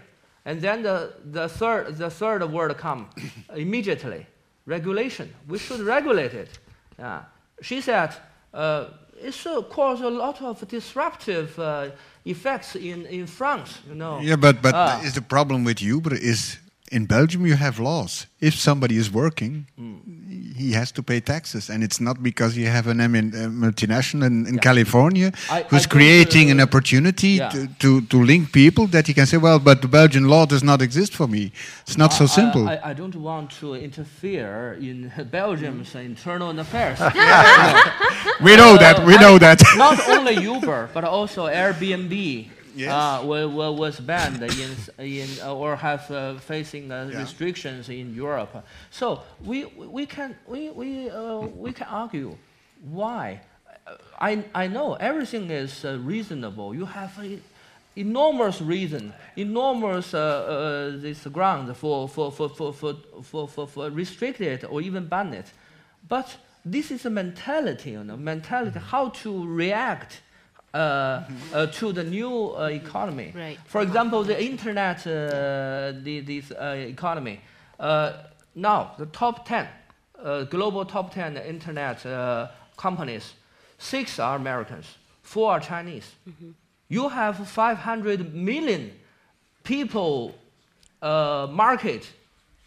You, are, you have the, the, the same level, almost the same level, this, the high tech uh, high technology as the U.S., but why you can have cannot have a single uh, giant in this uh, internet uh, in, in, in, this is emerging mm-hmm. uh, emerging industry. Somebody wants to answer this. um, well, I think uh, if you look at you know um, how people embrace you know new technologies, uh, you know online forums.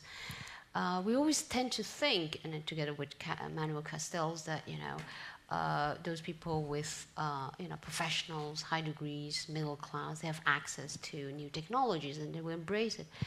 Well, that's not always the case because emerging economies like uh, Chinese, uh, Chinese students, Chinese people, but also Africans, you know, they make much more use, and, and migrants, and now these Syrian kind of refugees, they make much more use of this, you know, new new mm-hmm. social online. No, no, no, and and they're they're you know because out of necessity, necessity too. Mm-hmm. So, um, and if I compare, um, you know, my Chinese students with my my non-Chinese students then the Chinese students are much more online. You know, they're much more sophisticated. Not only to get in touch with each other, mm-hmm. you know, mm-hmm. uh, not only you know to, to kind of you know thicken your your guanxi relations, but they're also into business. You know, when it comes to entrepreneurship, you know, here in you know in Europe, you know, we we develop all kind of programs to stimulate people, but in China, people does it does it all the time. You know, it, it's mm-hmm. you know the way of, and also, you know, I always challenge my students, you know, with with, with figures and money matters. And it never works because my European students, they don't have a clue, you know, what, what, what these things are. Whereas, you know, my Chinese students, you know, they're very good at it. So it's also the, the general kind of um, atmosphere. And, and this is, and you can say that China is very neoliberal. And, and, and my Chinese colleagues come to me and say, you know, well, China is very social, uh, Europe is very communist, Europe is very socialist, you know, in comparison with, with China, which is much more neoliberal. And that explains why, you know, um, but it, it has all to do with how you deal with uh, innovation. And I see also with our international students in general, the students have to make projects, team, teamwork, they have to make it mechanically. Well, the international teams are better than the local teams. I'm a bit afraid there. Yeah, they think further, I don't know. And for the Chinese, definitely innovation, they, they, they, they, they're fighting for in innovation if you see that, okay, mm-hmm. our youngsters also look to apps and using apps, but in China it's terribly, everything is arranged with apps. If you take metro in Beijing in Shanghai, the, the youngest people, they don't look at you. They just have their smartphone. They do everything with it. They have to do. They have to go to the hairdresser still. Okay, it's in the app there. They have to take that coffee at that hour. They have an app there. So everything is. They, they deal. The uh, how the attitude towards innovation is totally different for me. And, and how do you explain that? Yeah, eager to learn. I think Yeah, they embrace it. It is new, you know. It's exciting. Whereas maybe for us, you know, it, it's, I'm, it's kind I'm of not a technology expert, but I remember the discussion in China when Steve Jobs died, passed away. Steve Jobs, Apple. And then there was a huge discussion, a soul-searching discussion in China. Why does China not produce a Steve Jobs? So, and, and there were many theories about it, but my feeling is that many of these innovation and, and, and tech-savvy youngsters, is basically, if you look at the Chinese internet scene, uh, it, it, it is, uh, it, it's a lot of it's copy-paste. I, I will agree immediately that it's improved and it's, it's, it's, it's uh, added things upon, but where is the real innovation in the sense that how many Nobel Pri- Peace, uh, no, no, peace, sorry, how Nobel prizes did uh, China win? That's, I mean, it's, it's, it's a discussion within China. Huh? I'm, I'm not criticizing indirectly China or something. So Maybe it is coming. eh? I, I heard that last that- year there were more patents in the Chinese Yes. uh, in But China what is- than in I- the I- US. here I must add something because I've done business in China a lot of times. Yes. I know a lot of these patents, and, and we, our company has, uh, and they call them in Chinese marketing patents because Mm. it's very easy to basically easier, relatively speaking, to establish a pat- registered patent in China. That's why you have an explosion of new patents. You use it because you sell technology in China, like a company does. They always ask, well, is it really innovative? Do you have a regis- registered patent outside China? Then mm. they believe your te- the technology is genuine. I, I think for the sorry, I think for this uh, uh, the sharing economy, so for, uh, the, the closely related to the internet uh, technology, I think this is not uh, a high standard. Uh, this uh, the innovation uh, technically, but it's a kind of uh, uh, innovative. How say this uh, marketing Right, uh, type. Mar- yeah. so- Economy of scale, of course. yeah, yeah, yeah. And if, uh, I, I think f- for Chinese, we, uh, they don't, uh, how say, highly uh, appreciate uh, this, this kind of information. But they find this is convenient to, and to, um, to have some uh, good effect on the traditional service sector to make them Yeah, uh, yeah. feel challenging, uh, feel I have a challenged, and uh, to improve their, their, their, their, their, how say, their service. Yes. Yeah. I just want to very quickly. Uh, we talk about the consumption side, but we also have to look at the production side. The thing is, everything is made in China, so the, the you know the, the ability skills are in China, and not only the highly skilled, but those those those internal migrants who are daily you know dealing with computers, you know, and and and, and gadgets, and, and they are the ones who produce new things, and they these are people are now being recruited in these uh, you know creative industry clusters that we see everywhere popping up. Okay. Maybe it's also a kind of general hunger that you have in a country that is upcoming. That, No, and, maybe are there because we don't we are. Uh, things here. So, so the skills are there. So with the deglobalization, you know, and, and all the computers are, you know, Apple computers are made there. Yeah. Okay. okay, Marcus. There, behind you. Thank you. Um, well, we have heard here that China is, is a very, uh, very, in a way, very capitalistic, very liberal, very, very uh, an economy very much geared toward innovation.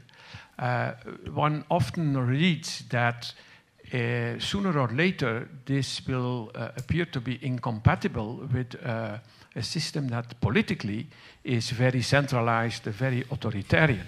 Can you have a very liberal economy combined with a very authoritarian political system? What do our speakers think about that? Yeah. Okay. Yeah. I think We need um, to see. uh, I think many uh, West, uh, Westerners uh, are very um, keen on this uh, ideology, ideological uh, uh, issues. But for China, uh, for, for uh, common Chinese people, it's al- already a remote affair uh, that is, uh, is very popular, was very popular during the Mao's time.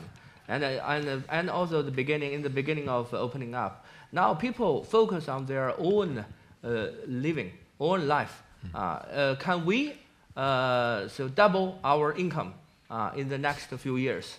Uh, can we find a new job if we are uh, if we got employed? So this is the main concern.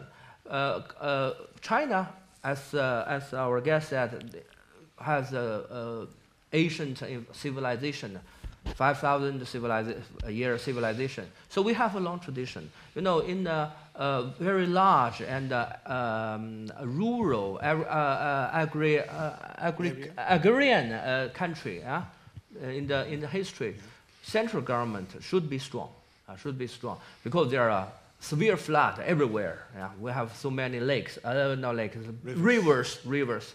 And uh, we have to, uh, uh, to make sure that the central government's uh, de- decree could be implemented throughout the country. So we have very uh, convenient uh, the road networks, road networks, uh, although already in the Asian country. So we have a strong condition of this, uh, uh, this uh, central, uh, strong central government. Uh, but at the same time, we have a very flexible this uh, uh, system that the local government compete with each other uh, to uh, who can make more profit uh, uh, for the local people, who can uh, uh, improve their environment uh, situation right now uh, because it's a pressing issue. So I think we can uh, uh, co- cooperate this old tradition and also the, uh, the, the new vigorous, vigorous uh, in the opening up period. Very, very good. About this ideology, so if the party is calling itself the Communist Party of, of China, that does not really mean much anymore uh, when it comes to ideology. I think no matter you call yourself, you should uh, firstly be responsible to your own people uh, to, to, to, to deliver uh, what you uh, promise. Uh, I think in, in China right now, although the s- structural reform is very tough and uh, painstaking, but we, we are very determined. Who refused to reform? You step down. This is opposite in Europe. Who push forward this uh, structural reform? You step down. So this is a, this I, I, I personally I experience because I, I'm here. Maybe you should make more specific what you mean with structural reform. Structural reform is uh, to uh, in the medium and the long term. Uh, uh, how say the more uh, that you can prosper in the long term. Make sure that your economy is able to do that. Yeah, because, yeah, because it makes sense that you should uh, improve your competitive, uh, international competitiveness through this uh, tough uh, and painstaking uh, structural reform. Just like uh, uh, Chancellor Schröder, he, uh, he, he lost his uh, power, but he uh, made a very good foundation for Merkel. Then uh, Merkel now is Germany, uh, how say, um, uh, uh, how say, they play a crit- critical role during the Euro crisis. But, uh, two, but 2004, I, I still remember, Germany was called the, as, uh, The sick man say of the- Europe. uh, Sick yeah, man of sick man Yeah. of Europe. Yeah. Yeah. Yeah, I just uh, fully agree with that structural reforms, and China is very good on that, but somehow you have 30% of the economy, roughly, is still owned by state-owned enterprise, eh? Guoyingqi. Yeah, yeah. And uh, in 2013, there was a party congress, and they said the market must be deciding in the allocation of resources. Yeah. And, but there are always mixed signals in a way, eh? because there are also signals that the, the, the Communist Party used to still have a leading role in the socialist market economy. This is phrases of 10, 20, 30 years ago. I think somehow these SOEs, if you look at it completely from economic point of view, are holding back the general development because they're taking a lot of the, the credit, the financial means. Uh, state-owned banks, basically, I also have a company in China. You cannot get a credit from a Chinese bank. They all, only lend the money to uh, state-owned enterprises who um, can borrow cheaply. The land is cheap or almost for free. They don't pay dividend to the state. Well, these things are slowly improving, but it's very difficult because there's the ideology that there should still be a controlling stake of the party in the economy. And somehow, if you look at the, the results of the private enterprises in terms of robotization, return on equity, return on investment, they're all leading, they're doing much better without even official Chinese bank support. So somehow you're not releasing your resources in a way that you could do it. I think that is the key for China in the coming years, the key, the key challenge. Yeah, I think for the uh, this uh, 13 five-year plan uh, uh, period, and uh, the the uh, for example for this year, our how say this supply side structural reform, we have five priorities. That is the leveraging, the storaging, and the what else? The uh, the uh, so the uh, cap- just uh, so reducing the, this uh, overcapacity, and then uh, the reduction of cost. That means not only toward this uh, SOE, the, the state-owned uh, enterprises, but mainly for those uh, medium and uh, small and medium uh, enterprises, the private private uh, enterprises, and the government, central government, uh, are is ready to take more deficit to, uh, for the price, for the cost of this uh, uh, decreasing uh, uh, this uh, tax taxation revenue. So uh, I think the, the government is uh, is determined to uh, to to to create a flexible and vigorous and, uh, environment for all the enterprises. Does does that mean that these, uh, there's indeed a lot of the biggest companies are mostly state-owned uh, No. companies? No, no. No. In I think certain, now, certain uh, sectors, they yeah. are. Yeah. So, uh, SOE That- uh, that is accounts will- only uh, one third of the uh, total economy. Yeah, And you think this will go up or go down? I, th- I think it depends on the market. Hmm. It's not on the. Uh, we don't have a planning economy anymore. Hmm. We can't uh, uh, s- set the, uh, the the ratio of uh, w- w- how many, how much. Hmm. No. Yeah. There was a question there. Okay, yes.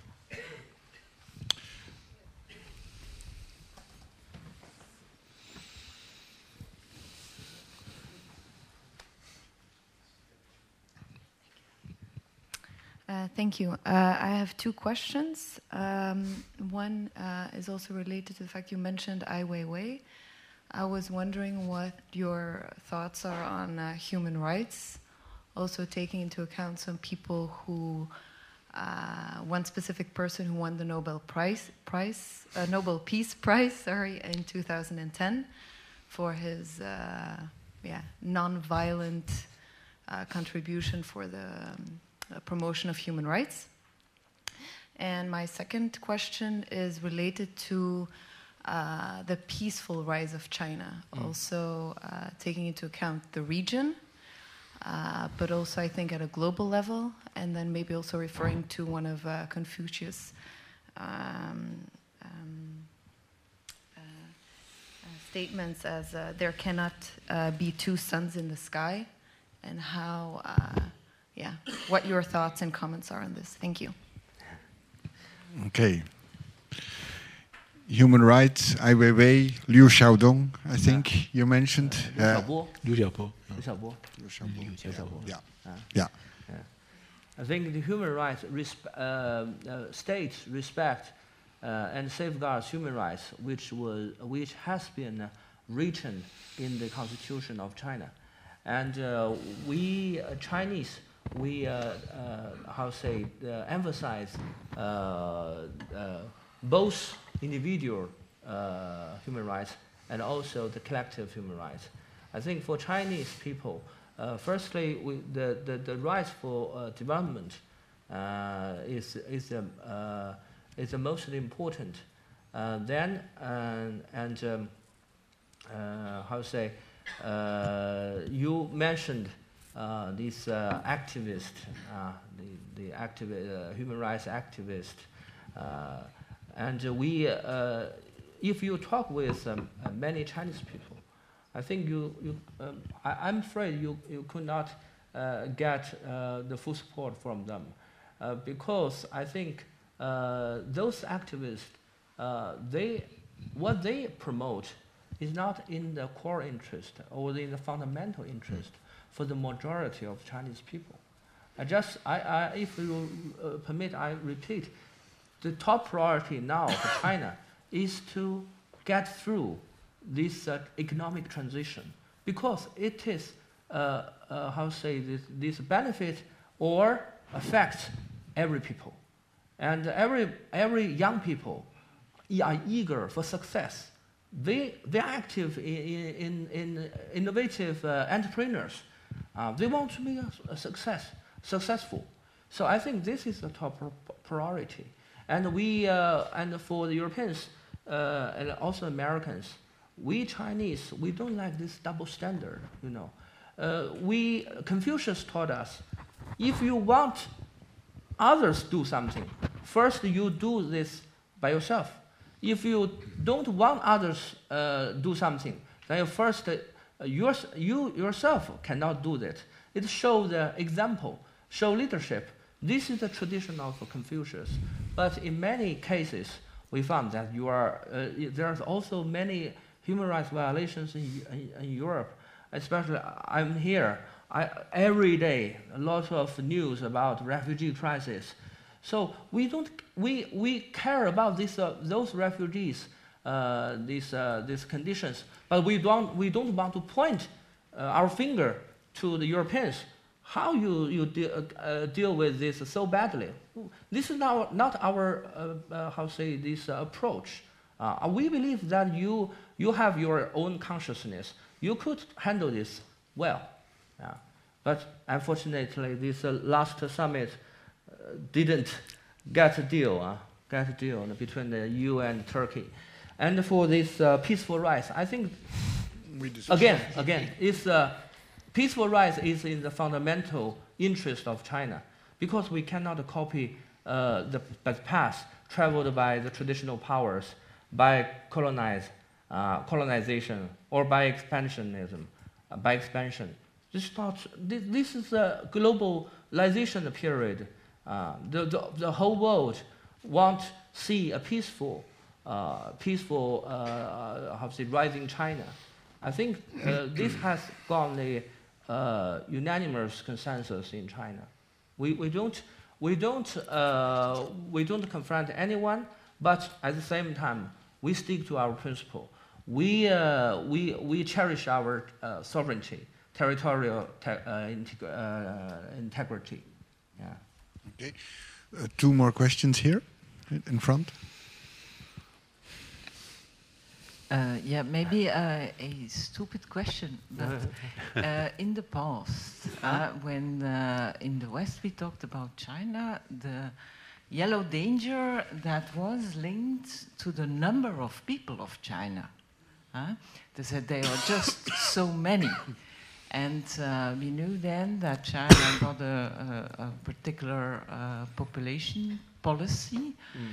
And I, I wondered what is the situation now mm. uh, in the field of uh, population policy and your big growing cities and how you will assure a, a quality, a minimum quality life for all those people who joined the big uh, megapoles. And there's another question here. Yeah. yeah. Yes. No, no, no. uh, thank you. Uh, I have uh, one question for uh, Mrs. Ching and one for Mr. Sun. Ah. Uh, the first question is about, uh, you mentioned Prato uh, in Italy, which is this interesting community city, as you explained, of more than 150,000 inhabitants, of which more than 60,000 are Chinese, quite unique in Europe. I know the place a little bit. I worked there um, a long, some time ago uh, when it was not yet so Chinese, but already were many. Chinese came first as very uh, small uh, uh, workers and worked so incredibly hard, so much harder than the Italians, that within uh, uh, 10, 15 years they had practically conquered the whole town. And now many owners of those small enterprises are Chinese. It's indeed, it was easy for them because it was the same mentality. Networking, small family enterprises, it fitted like a glove. But uh, as you may know, a month ago, uh, big trouble uh, appeared. Uh, there have been rebellions of Chinese workers in Prato against Chinese entrepreneurs who, uh, it turned out, according to Italian police and justice, uh, mm -hmm. were basically criminals who exploited them. so you see that in these Chinese communities that are, in, in general, Chinese communities in Europe, you said they are extremely uh, unknown. In Holland, there have been communities of Chinese for like 60 or 70 years. We still hardly know anything about them. They keep to themselves. They have no political function, no social function. They're not part of what we call civil society. It's very odd. They uh, don't harm anyone. But is it possible, if my question to you, in a way to integrate, integrate Chinese people just like those many others that have come over here, like Turks and whatever? That, uh, is it possible at all or not? That's my question. And to Mr. Uh, uh, sorry, um, uh, one or two small uh, remarks on substance. I work for the EU myself, and I can tell you that uh, President Obama has three or four times officially in summits with the EU given its full support to uh, the European Union as such. Actually, he's done it so strongly that by now people in Britain are a little bit worrying that if he's uh, doing it even more strongly, he uh, might uh, uh, influence the Brexit referendum. He's planning, actually, uh, as you have read perhaps in the papers last Yeah, week, yeah. to intervene again on Brexit with a strong message from America Britain, stay in the European Union. It's in your interest, it's in our interest. all. And the reason for America, and that, then I come to my question to you, is the same thing as for you. You know, as America knows, because you think globally and long term, that the European Union, as you said, is the largest economy in the world. It still is. And in 20 years' time, it still will be among the three largest economies in the world. Eurostat made an inquiry among Europeans, Europeans themselves, uh, when you ask them what, what are the largest economies in the world, and you ask them China, United States, or European Union. Nine out of ten put China or the United States first, not the EU, which is three times as, or two times as large as China at the moment. Of course, in 20 years' time, it will be less. But we are very self deprecating here. And uh, it is right that China has always supported the unity of the European Union. I have never believed much in the stories that China has tried to divide by having groups of Eastern European countries with special relationships. China has been extremely supportive. I know that from my own experience in my interactions with you. But uh, that is, I think, because you think long term. So again, in uh, 15 years' time, the multipolar world, bipolar world is the two extremes we heard. I think neither are true. If you look at your own foresight uh, institutes in China and in the European Union, it will be tripolar. It will be the European Union, the United States, and China. All the others will still be far behind, in uh, far behind, according to any projection, even India. So I wonder if you could elaborate on that. Okay. Me or Well, anybody can react to any there's question. question Oh, okay. I think Uh, the, the first question obviously Yeah, was... Oh, yeah, the oh, first yeah, question, yeah, yes. yeah, Okay. yeah, yeah, yeah, Okay. yeah, yeah, yeah, Oh, dat yeah. waar, ja. Ja. Even vergeten I forgot. The, we have a long time uh, adopted uh, this policy, one, uh, one child policy. Uh, because uh, I think the background our guest speakers uh, uh, knew very well. At the beginning of uh, opening up, uh, China was so poor, and uh, and we have a large population. At that time, uh, the, there's a consensus uh, in the society that we cannot afford. So the government the call on the people to have one child policy. But 30 years have passed. Now China uh, is aging also uh, uh, quickly. In some coastal area, I think the situation is more or less like in Europe. So uh, we should, uh, how say, keep this uh, vigor and the sustainability. So we, we now we, we, we, we adjust, adjusted this policy. We, now we have a two, uh, two-child policy. Two-child policy. Uh, uh, before we have a flexible arrangement that if you are the only child in your family, then you can also have the second, uh, second uh, child. But unfortunately, I, I'm the only child. But uh, uh, due to the how say the in, in increasing burden of, uh, of the diplomatic uh, work, so I, I don't have enough time to have to give birth a second. But but but I but but but I'm confident that my my my son now here studying in, in, in Brussels, he will have at least two two children. Yeah. To, At least. to, to, yeah, yeah, yeah. To, uh, At least, yeah. yeah, maybe in, in Europe, if he in the future study or live in Europe, maybe he can have a four or five. Yeah. Okay. Thank you.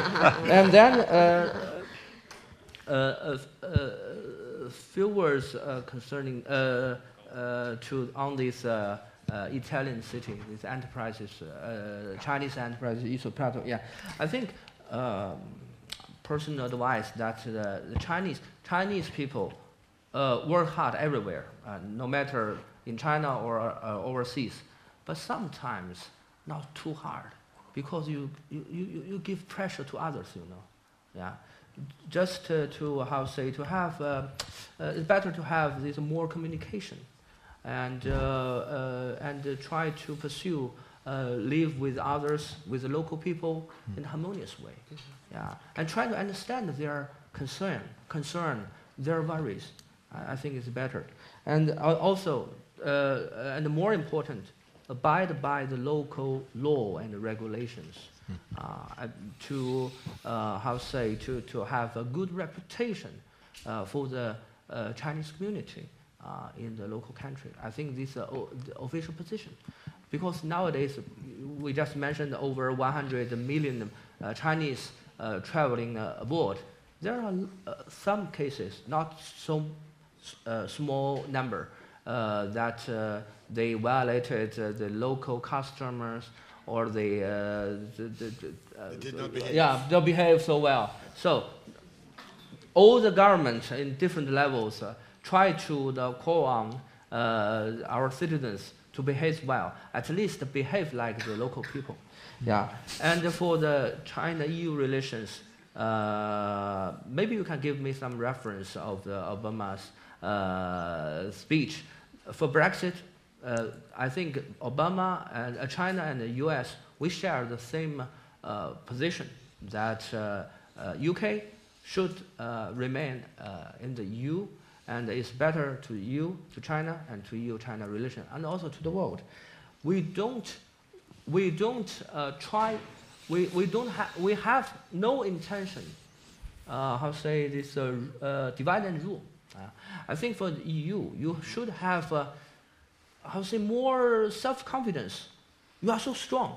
Nobody can, can divide and rule you except except uh, you are you are internally fight each other. You know, uh, during the all this crisis, we have seen a lot of uh, uh, disagreement among member states, not uh, caused by the by the by the for, uh, by the foreigners.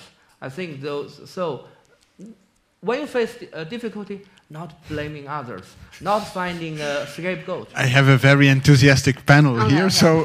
Can I- yeah. can I still Lynn, yeah, yeah. because there was a question for Um, you. Right. When, I, I think uh, you know we, we should not lump the overseas communities into one monolithic group. Um, uh, well, when it comes to Prato, it's a very specific kind of uh, issue because you know the, the, the Chinese that are um, uh, you know that that, that are um, that are working and, and, and, and changing the whole sector and the whole fabric of, of, the, of the city are actually Wenzhou, Wenzhou Chinese people. They come from a very particular area, and even within China, they're called the Jewish, you know, among the Chinese. So, um, and and and you know, it's true. So they're very kind of shrewd.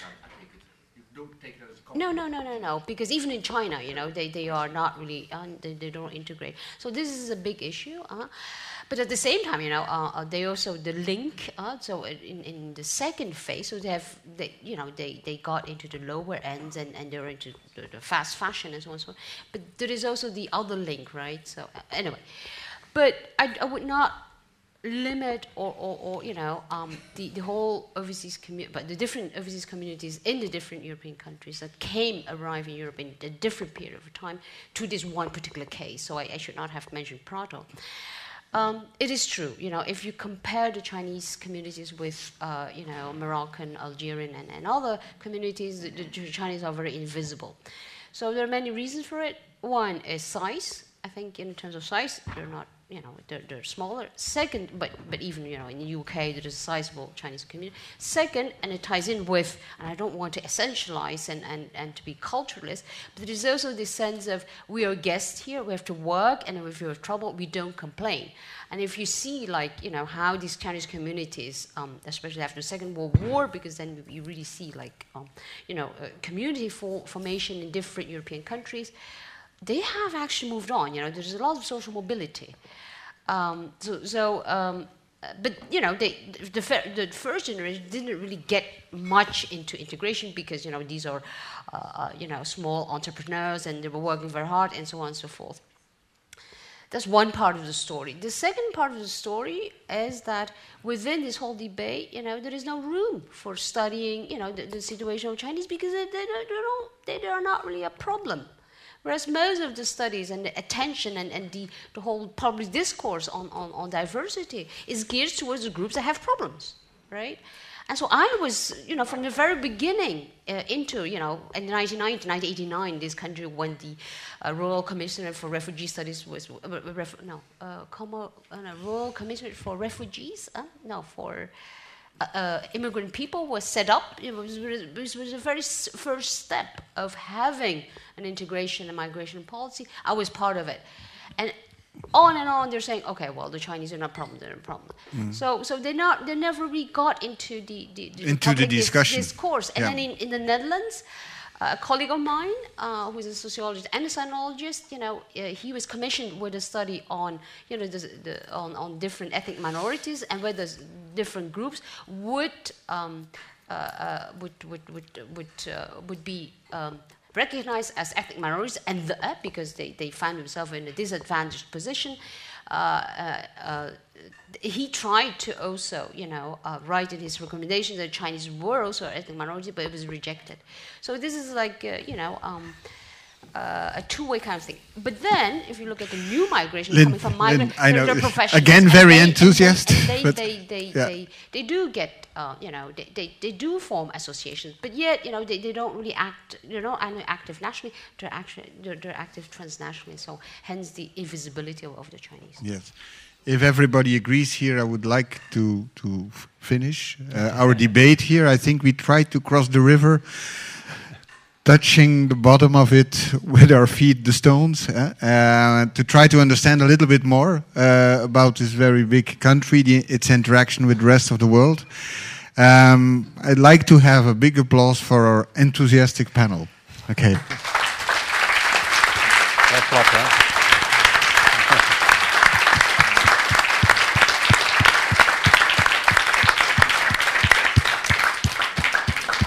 En uh, als je geïnteresseerd bent in een uh, abonnement op Mo, dit kan natuurlijk altijd gebeuren hier. Ja, oké. Okay.